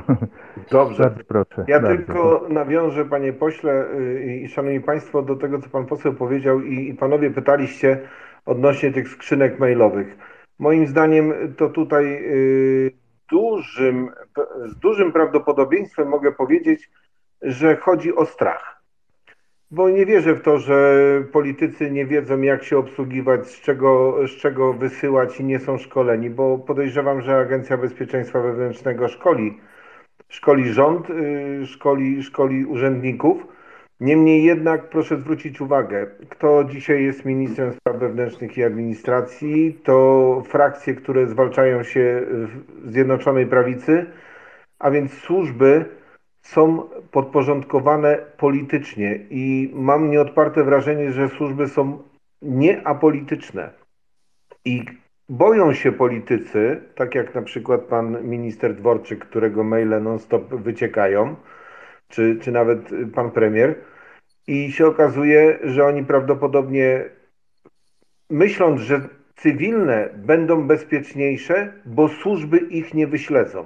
No to już jest y, w tym momencie nawet głupota. Totalna głupota, bo nie wiedzą, nie znają w ogóle mechanizmu działania służb, a w momencie, kiedy się zostaje premierem czy ministrem, to warto byłoby chociaż jakikolwiek periodyk na temat służb przeczytać i wiedzieć, czym się zajmują służby.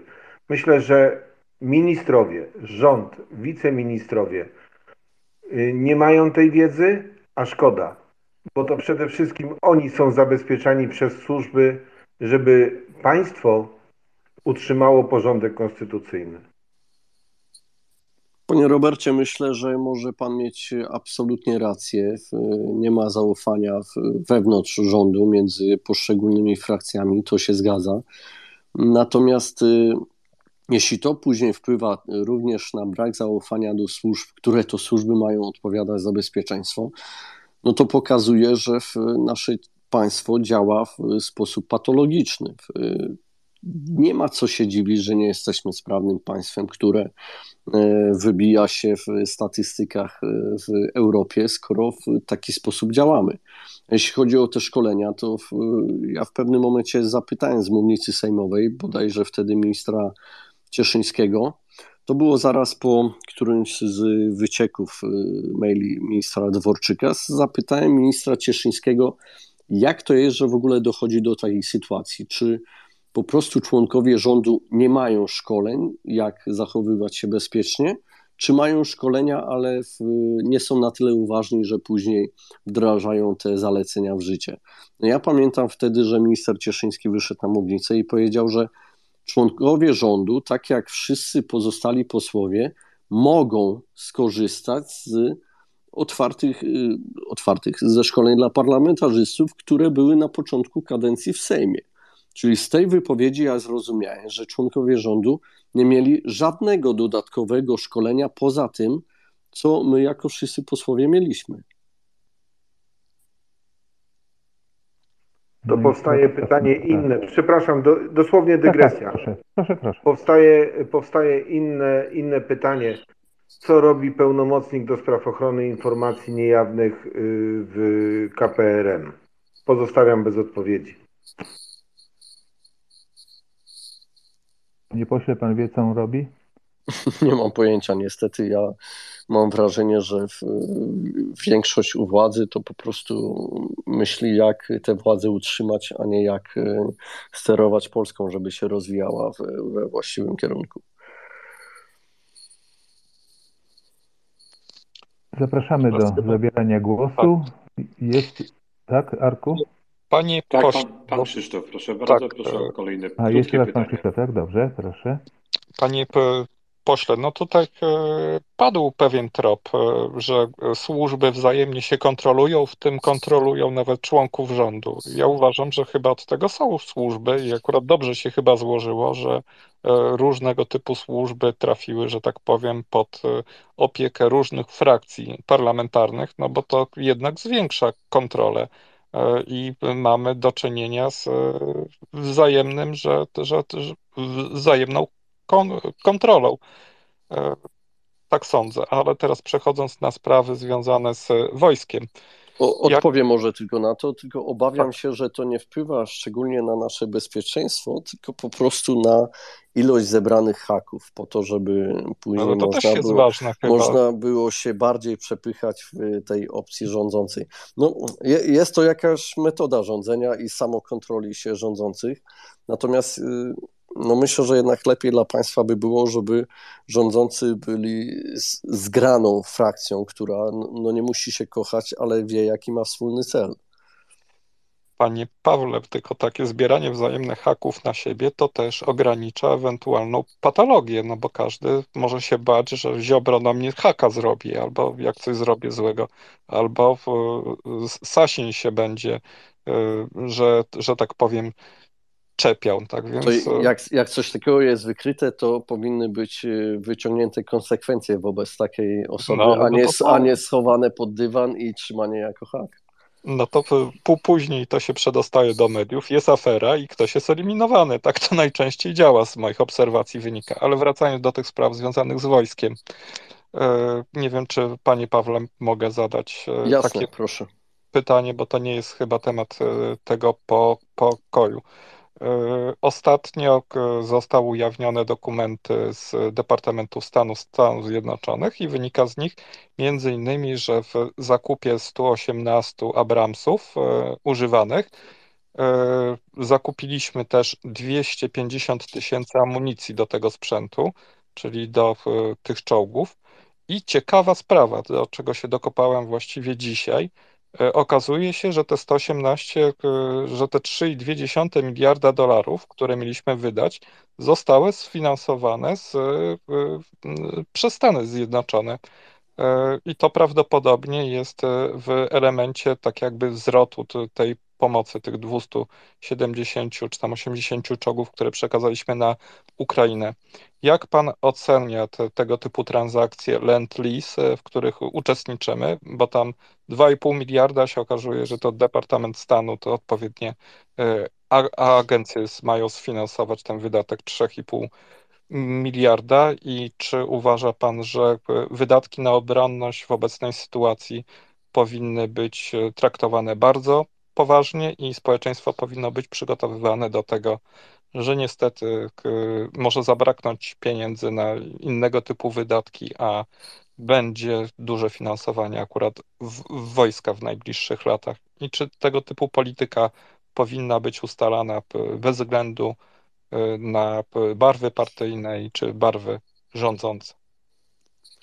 Oczywiście wydatki na zbrojenie teraz powinny być e, traktowane bardzo poważnie, natomiast uważam, że one powinny być e, traktowane poważnie cały czas, a nie tylko w momencie, kiedy mamy wojnę za naszą granicą, bo teraz to jest już e, trochę za późno. Oczywiście my jesteśmy w stanie jakoś się dozbroić, jakoś się doszkolić, czy też wzmocnić naszą obronność na w, w, różnych aspektach, natomiast y, nie powinniśmy na to czekać. No, chyba było realne zagrożenie, że skoro w 2014 Rosjanie pozwolili sobie na e, wejście do Ukrainy i kąśnięcie kawałka tegoż niezależnego państwa, no to że na tym może się nie skończyć.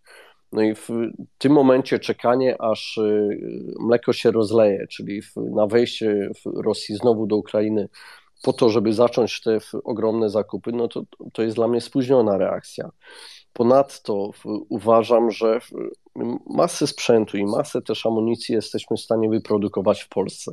Jeśli byśmy na kwestię zbrojenia patrzyli strategicznie i z wyprzedzeniem na kilka, a najlepiej kilkanaście lat, to my byśmy byli w stanie ogrom tych pieniędzy, które wydajemy na zbrojenie, wydać w naszej zbrojeniówce. A niestety przez to, że tego strategicznego myślenia nie ma, no to my wspieramy w inne państwa i te inne państwa mają później pieniądze na inwestowanie w swoją zbrojeniówkę, czy też na badania i rozwój, żeby wymyślać nowy sprzęt, który za kilka lat pewnie my znowu będziemy musieli od nich kupić, bo my w tych kwestiach będziemy niestety z tyłu. Dziękuję za odpowiedź. Mogę się jeszcze do, do nie, pytania, bo jest... mamy następny, panie Krzysztofie, mamy następne osoby. No ja tylko przypomnę dobrze. właśnie, że zostało nam 25 minut y, naszego spotkania, naszej audycji. W związku z tym, jeśli będą na kolejne pytania, to proszę bardzo krótko. A teraz od pewnego czasu prosił o zadanie pytania Walhala. Proszę bardzo.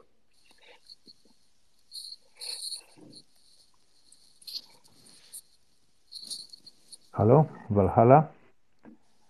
Masz głos. się, że tak. Być może, być może y, oddalił się od telefonu. W takim razie, panie Krzysztofie, krótko pytanie. Krótko, a naprawdę bardzo krótko, proszę. Bardzo krótko się dopytam. Panie Pawle, jak pan sobie wyobraża e, ze strony polityka, posła, m, budowanie, że tak powiem, społecznej zgody na zwiększenie wydatków na obronność, które są ogromne, które nawet dzisiaj e, e, są związane z pewnym ryzykiem politycznym, bo tutaj mówienie o tym, że od 2014 roku to powinniśmy robić, tylko nie było społecznej zgody i nie było percepcji tego za, zagrożenia. I czy pan uważa, że teraz e, będzie e, społeczna zgoda na to, żeby obniżyć na przykład wydatki na służbę zdrowia, obniżyć e, wydatki na innego typu programy społeczne i przeznaczyć więcej na wojsko? Czy ludzie to po prostu, wyborcy to zrozumieją? Ja myślę przede wszystkim, y, panie Krzysztofie, że nie było y, społecznej zgody na wydawanie pieniędzy na błyskotki, mówiąc kolokwialnie, czyli na drogi sprzęt, y, którym można się pochwalić, przy którym można przeciąć wstęgę. Natomiast jeśli większość tych pieniędzy trafiałaby do naszego przemysłu zbrojeniowego, czyli te pieniądze pracowałyby u nas, podatki z tych wydanych pieniędzy trafiłyby do naszego budżetu państwa. Mało tego, jeśli te firmy by się rozwijały i by sprzedawały za granicę sprzęt wyprodukowany w Polsce, to też to byłoby na plus. Jeśli byśmy podchodzili odpowiedzialnie do tych kwestii, to myślę, że każdy obywatel zrozumiałby, że jeśli jest y, realne zagrożenie, no to musimy w te sprawy zainwestować. Akurat na obronności bym nie oszczędzał. Myślę, że jest wiele innych y, elementów w naszym państwie, gdzie możemy szukać tych oszczędności, ale w, y, zwłaszcza w obecnej sytuacji nie jest to obronność. Dziękujemy. Widzę, że wrócił do nas Walhara, także proszę bardzo o zadanie pytania. Dziękuję bardzo. Dobry wieczór wszystkim. Jak mnie słychać w ogóle? Słychać dobrze, dobry wieczór. Słychać? Tak, tak. E, Panie Paweł Szramka, panie pośle. No pan jest z PSL-u tak naprawdę, nie? Jak może pan powiedzieć też, tak naprawdę, nie? Nie, nig- nigdy nie byłem. Jakby mógł pan mikrofon wyciszyć, jak ja mówię, bo słyszę jakieś dźwięki. O, dzięki. E, Nigdy nie byłem członkiem PSL-u i nie jestem członkiem PSL-u. Startowałem z listy PSL w ramach porozumienia y, przedwyborczego w Kukiz 15, w którym byłem wcześniej. Natomiast to porozumienie no, rozpadło nam się po roku współdziałania z PSL-em w ramach Koalicji Polskiej i wtedy zostałem y, członkiem koła Kukiz 15 Demokracja Bezpośrednia. Natomiast koło to zdecydowało, że idzie na współpracę z I zanim to się stało, to opuściłem to koło. Stworzyliśmy koło z Agnieszką Ścigaj i Andrzejem Sośnierzem Polskie Sprawy. Wydawało mi się, że jest to y, sensowna alternatywa, że w, w tym gronie będzie można e, skutecznie walczyć o nasze postulaty. Natomiast y, okazało się, że miałem e, swego rodzaju déjà vu i to koło również w pewnym momencie zapragnęło bliżej współpracować z Prawem i Sprawiedliwością, więc w tym samym dniu ja również opuściłem to koło. Y, No i od tego dnia jestem y, politycznym singlem, jestem posłem niezrzeszonym, nigdy nie byłem członkiem żadnej partii politycznej i na chwilę obecną tak to wygląda. Tak więc nie, nie jestem związany z żadną partią polityczną. Dziękuję za odpowiedź na to pytanie, chociaż ono nie dotyczyło naszego tematu, tak więc proszę naszego słuchacza o to, aby zadał pytanie związane z tematem. Proszę bardzo. Przepraszam, tak, no, no przepraszam, nie o to chodziło. E, No to panie Pawle, powiem panu jedną rzecz. E, Pan ma w profilu, że jest pan żołnierzem zawodowym. Czyż był? Nie wiem. Byłem, byłem. Szanuję i naprawdę. Powiem panu szczerze, jestem żołnierzem zawodowym od, od 2006 roku, od 19 roku życia. E, Uczestniczyłem w wielu potyczkach i wojnach, i, i nie tylko tak, międzynarodowych. od 2006 roku do 2011 całkowicie. I pani powie tylko z ciekawości, gdzie pan był, na jakiej misji, czy coś, nie wiem, no, gdzie pan służył, tak. Nie, to nie jest tak, że ja do pana coś, coś biję. Broń Boże, broń Boże, nic do pana nie ma. Mhm. Myślę, że wie pan co, ja, Afganistan, Somalia, Wybrzeże Kości Słoniowej, Niger, Kosowo. Jako... Bardzo, bardzo, bardzo się cieszymy za, za to, że jest Pan naszym gościem i ma Pan takie zasługi dla naszej ojczyzny, ale przepraszam bardzo, mimo wszystko to nie jest temat naszej dzisiejszej rozmowy. To ja może, może, krót... zupełnie innym. może krótko odpowiem, żeby w, też e, słuchacz nie, nie czuł się tutaj w, olany w pewien sposób. Ja służyłem w czwartym pułku chemicznym w Brodnicy. Jest to jednostka w moim rodzinnym mieście. Nie byłem na żadnej misji. Wtedy, kiedy byłem żołnierzem, to w, no z mojej jednostki nawet bardzo trudno było się dostać na misję. Pamiętam, że koledzy mieli ogromne problemy, żeby się dostać na którąkolwiek zmianę w Afganistanie. Aczkolwiek przyznam szczerze, że ja też na tę misję się nie pchałem. Nie, nie czułem szczególnie potrzeby, że, e, żeby na tej misji być. Miałem momenty, że jako żołnierz może warto było na taką misję pojechać, żeby faktycznie trochę poczuć tego wojska, no bo będąc na jednostce, uczestnicząc tylko w ćwiczeniach czy poligonach, no to nie oszukujmy się, na pewno nie ma co podchodzić do doświadczenia z misji, które pan ma, ale cieszę się, że są żołnierze, którzy byli na misjach, ponieważ jest to ogromne doświadczenie i uważam, że to doświadczenie powinno być jak y, najbardziej wykorzystane. Ja byłem krótko żołnierzem, byłem żołnierzem 7 lat i w, po, po siódmym roku, chyba byłem w ósmym roku już służby.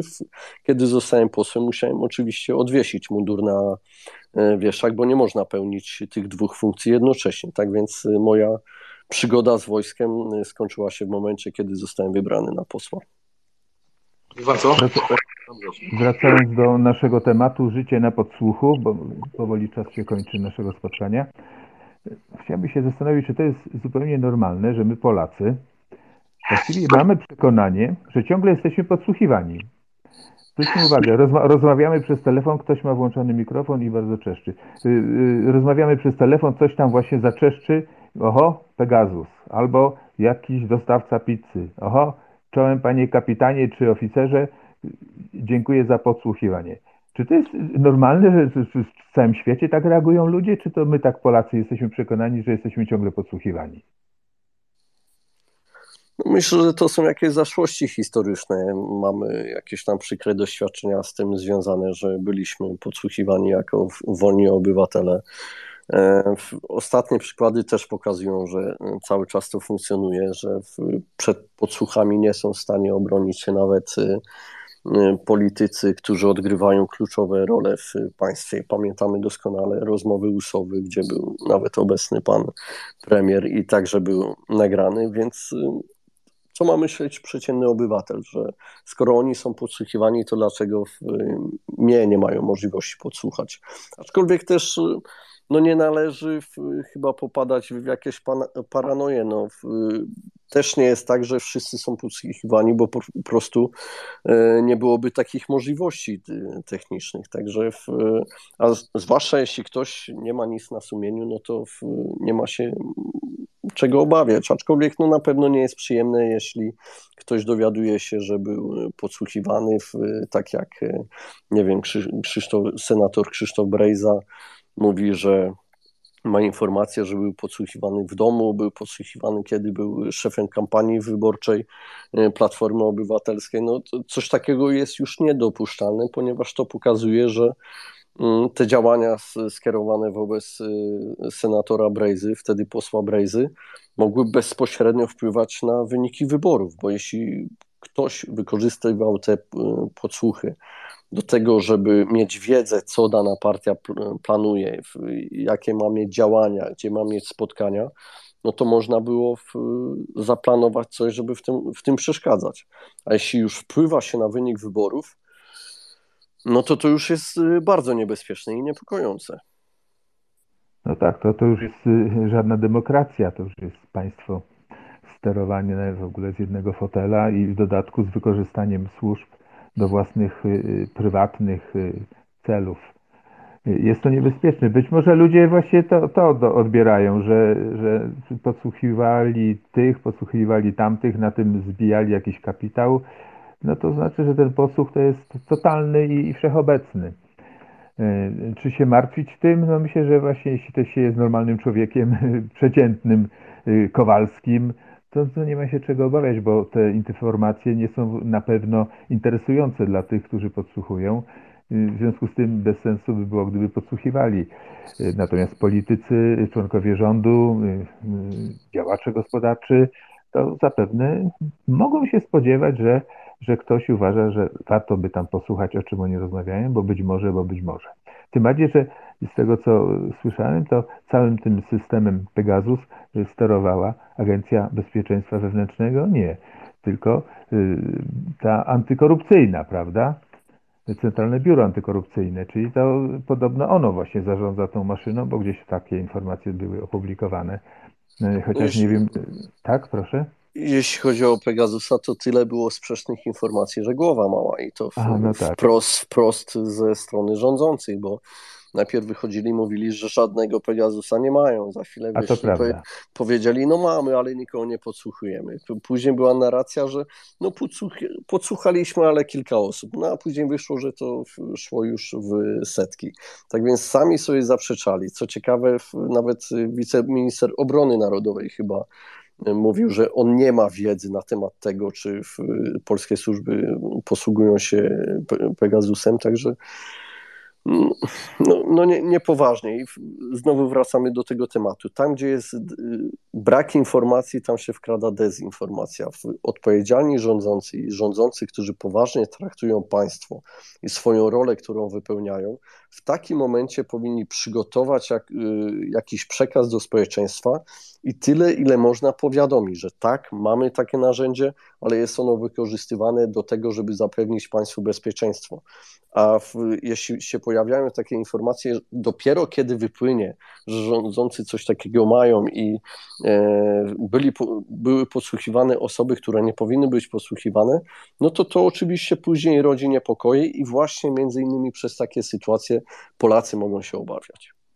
No właśnie, panie pośle, mam takie pytanie. Na ile faktycznie w tym wszystkim chodzi o bezpieczeństwo państwa, a na ile po prostu o bezpieczeństwo finansowe rządzących? To znaczy, na ile te sytuacje, o których się dowiadujemy z mediów, do które co jakiś czas do nas docierają, one nie świadczą właśnie o tym, że tu wcale nie chodzi o państwo, wcale nie chodzi o nas, o społeczeństwo, o bezpieczeństwo Polski, tylko po prostu o to, aby zachować władzę. A ta władza, jak się okazuje, w każdym razie tak to wygląda przez ostatnie lata, to jest jednocześnie możliwość fantastycznego ustawienia się finansowego.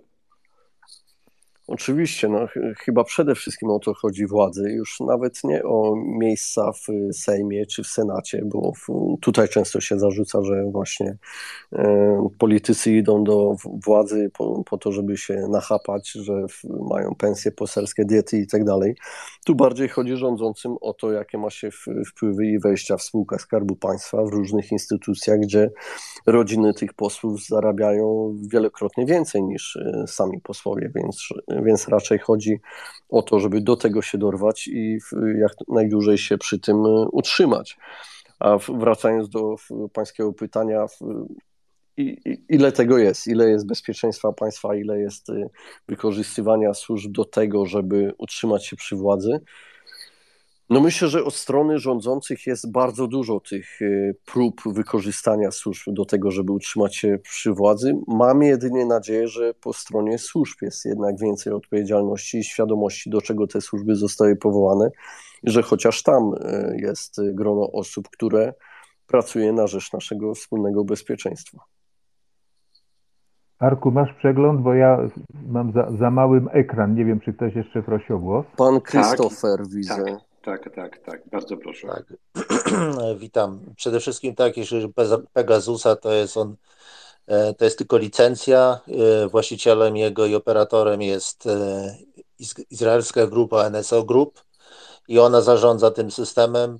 Polski, polskie służby mają tylko terminal i podają tylko numer, który należy schakować, i wtedy wszystkie informacje idą do chmury, i tam na żywo można w czasie rzeczywistym prowadzić ten posłuch, podsłuch i taka jedna licencja, czyli jedno włamanie na taki telefon kosztuje 100 tysięcy złotych.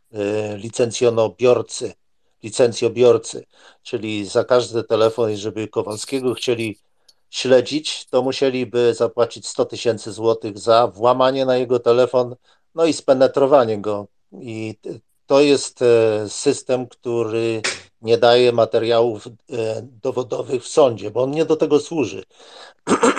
Ten system służy, żeby złapać ewentualnie przestępców na gorącym uczynku i to jest materiał dowodowy. Dlatego jest nielegalny taki system, ponieważ on e, stosuje tak zwaną e, praktykę rozszerzającą, czyli interpretację rozszerzającą, czyli jeżeli nie ma w stosunku do danej osoby prowadzonego żadnego dochodzenia, to żaden sąd y, nie może się zgodzić na taką inwigilację, która dotyczy jego i os, oraz osób e, e, oraz osób towarzyszących, osób trzecich i tak dalej. Tak, taka praktyka jest niedozwolona. Dlatego też y, jest to system wy, wyłącznie do tego, żeby zaatakować kogoś, kto na, na kim nam zależy, żeby na przykład, nie wiem, znaleźć w jego samochodzie ładunek wybuchowy, który zamierza gdzieś tam podłożyć. Wtedy, jeżeli e, zostanie taka osoba ujęta, to ten materiał wybuchowy znajduje się w samochodzie i to jest dowód dla sądu. Natomiast e, te dowody z Pegasusa nigdy nie trafiają do sądu i nie powinny trafiać do sądu, bo są nielegalnie w świetle wszystkich wykładni. Dobrze, dziękujemy za, ten, za to uświadomienie nas, e, czym jest i do czego służy Pegasus. E, rozumiem, że to są informacje, które są informacjami rzetelnymi, sprawdzonymi. Natomiast jakie Pan ma pytanie? E, no, oczywiście mam takie pytanie, jak wśród osób, które znajdują się właśnie w tym ścisłym gronie, nie wiem, posłów, senatorów, jak wygląda przekrój E, tych osób, e, znaczy jakie, jakie są poglądy tych osób na temat tej sytuacji, która w tej chwili e, istnieje, czy, czy tam wśród tych osób, które sprawują władzę, znaczy może władzę, no są, to są posłowie albo senatorowie, jaki jest przekrój tych tak zwanych zwolenników odsunięcia PiSu od władzy i przeciwników? Bo w społeczeństwie no to, też, to wiemy. Dobrze, to też nie jest w naszym temacie, y, także przepraszam bardzo, ale y, temat y, naszej rozmowy jest zupełnie inny, ale dziękuję za Pana, pana głos, za pana, za pana uwagi. W takim razie I za ważną informację, oczywiście dotyczącą Pegasusa, tak. tak. E, widziałem wcześniej jeszcze, że pan Robert Stakurski też tam nieśmiało e, prosił o, o zabranie głosu, tak więc już zbliżamy się powolutku do końca naszej dzisiejszej audycji. Także panie Robercie, bardzo proszę jeszcze pana. Nie, nie, to już zostało, zostało wyjaśnione przez pana posła, także ja nie będę powielał i, i, i powtarzał tego. Akurat to, co chciałem powiedzieć. Dziękuję. Wydaje Świetnie. mi się, że pan Dariusz jeszcze się zgłaszał.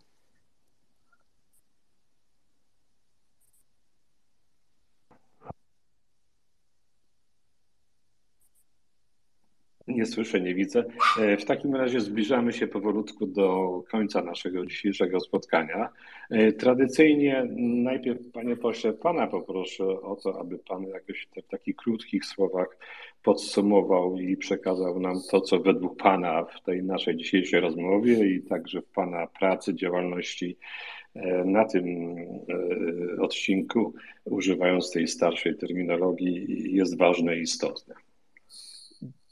Przede wszystkim dziękuję bardzo Państwu za czas, który wspólnie spędziliśmy, za tę dyskusję.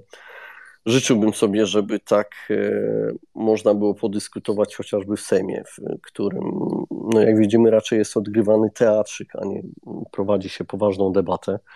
Ale nie będziemy teraz narzekać na, na Sejm, bo to też nie jest tematem naszej dyskusji. E, jeśli ktoś y, czuje się nieusatysfakcjonowany moimi odpowiedziami, to oczywiście śmiało można do mnie pisać, czy to w, na Twitterze, czy w innych mediach y, społecznościowych. Chciałbym też wyjaśnić, jeśli może komuś nie wystarczyły te moje odpowiedzi, że ja absolutnie nie jestem i nie uważam się za specjalistę od spraw służb specjalnych. Ja po prostu jestem jednym z posłów, który ma świadomość tego, jak to jest ważny temat, a w, zauważyłem, że niewiele w tym temacie się dzieje. Dlatego byłem zdeterminowany do tego, żeby ten zespół do spraw reformy służb specjalnych powstał. I to się udało. Jest bardzo ciekawe grono ekspertów, które regularnie y, przybywa na te spotkania. Jest to kadra naukowa, są byli szefowie służb, są byli oficerowie służb. Tak więc mamy pogląd, z, są też prawnicy, są stowarzyszenia, przedstawiciele społeczni, tak więc mamy naprawdę szeroki obraz z każdej strony na to, jak te służby wyglądają i te dyskusje są szalenie ciekawe. Jeśli ktoś się interesuje, to serdecznie zapraszam na stronie sejmowej. Można odsłuchać e, wszystkie te posiedzenia, które do tej pory się toczyły.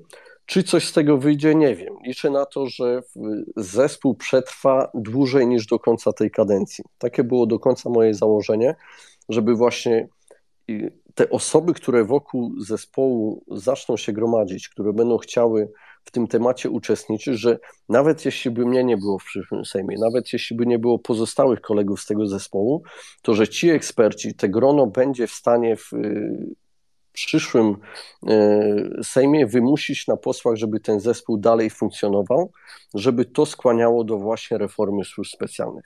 Bo jestem przekonany, że bez ruszenia poważnie tego tematu, my cały czas będziemy gdzieś tam w ogonie Europy, a nawet jeśli będziemy przyspieszać, to będziemy mieli zaciągnięty hamulec. Służby specjalne to jest taki element państwa, który musi absolutnie dobrze funkcjonować, jeśli myślimy o tym, żeby być sprawnym, konkurencyjnym na arenie międzynarodowym e, państwem.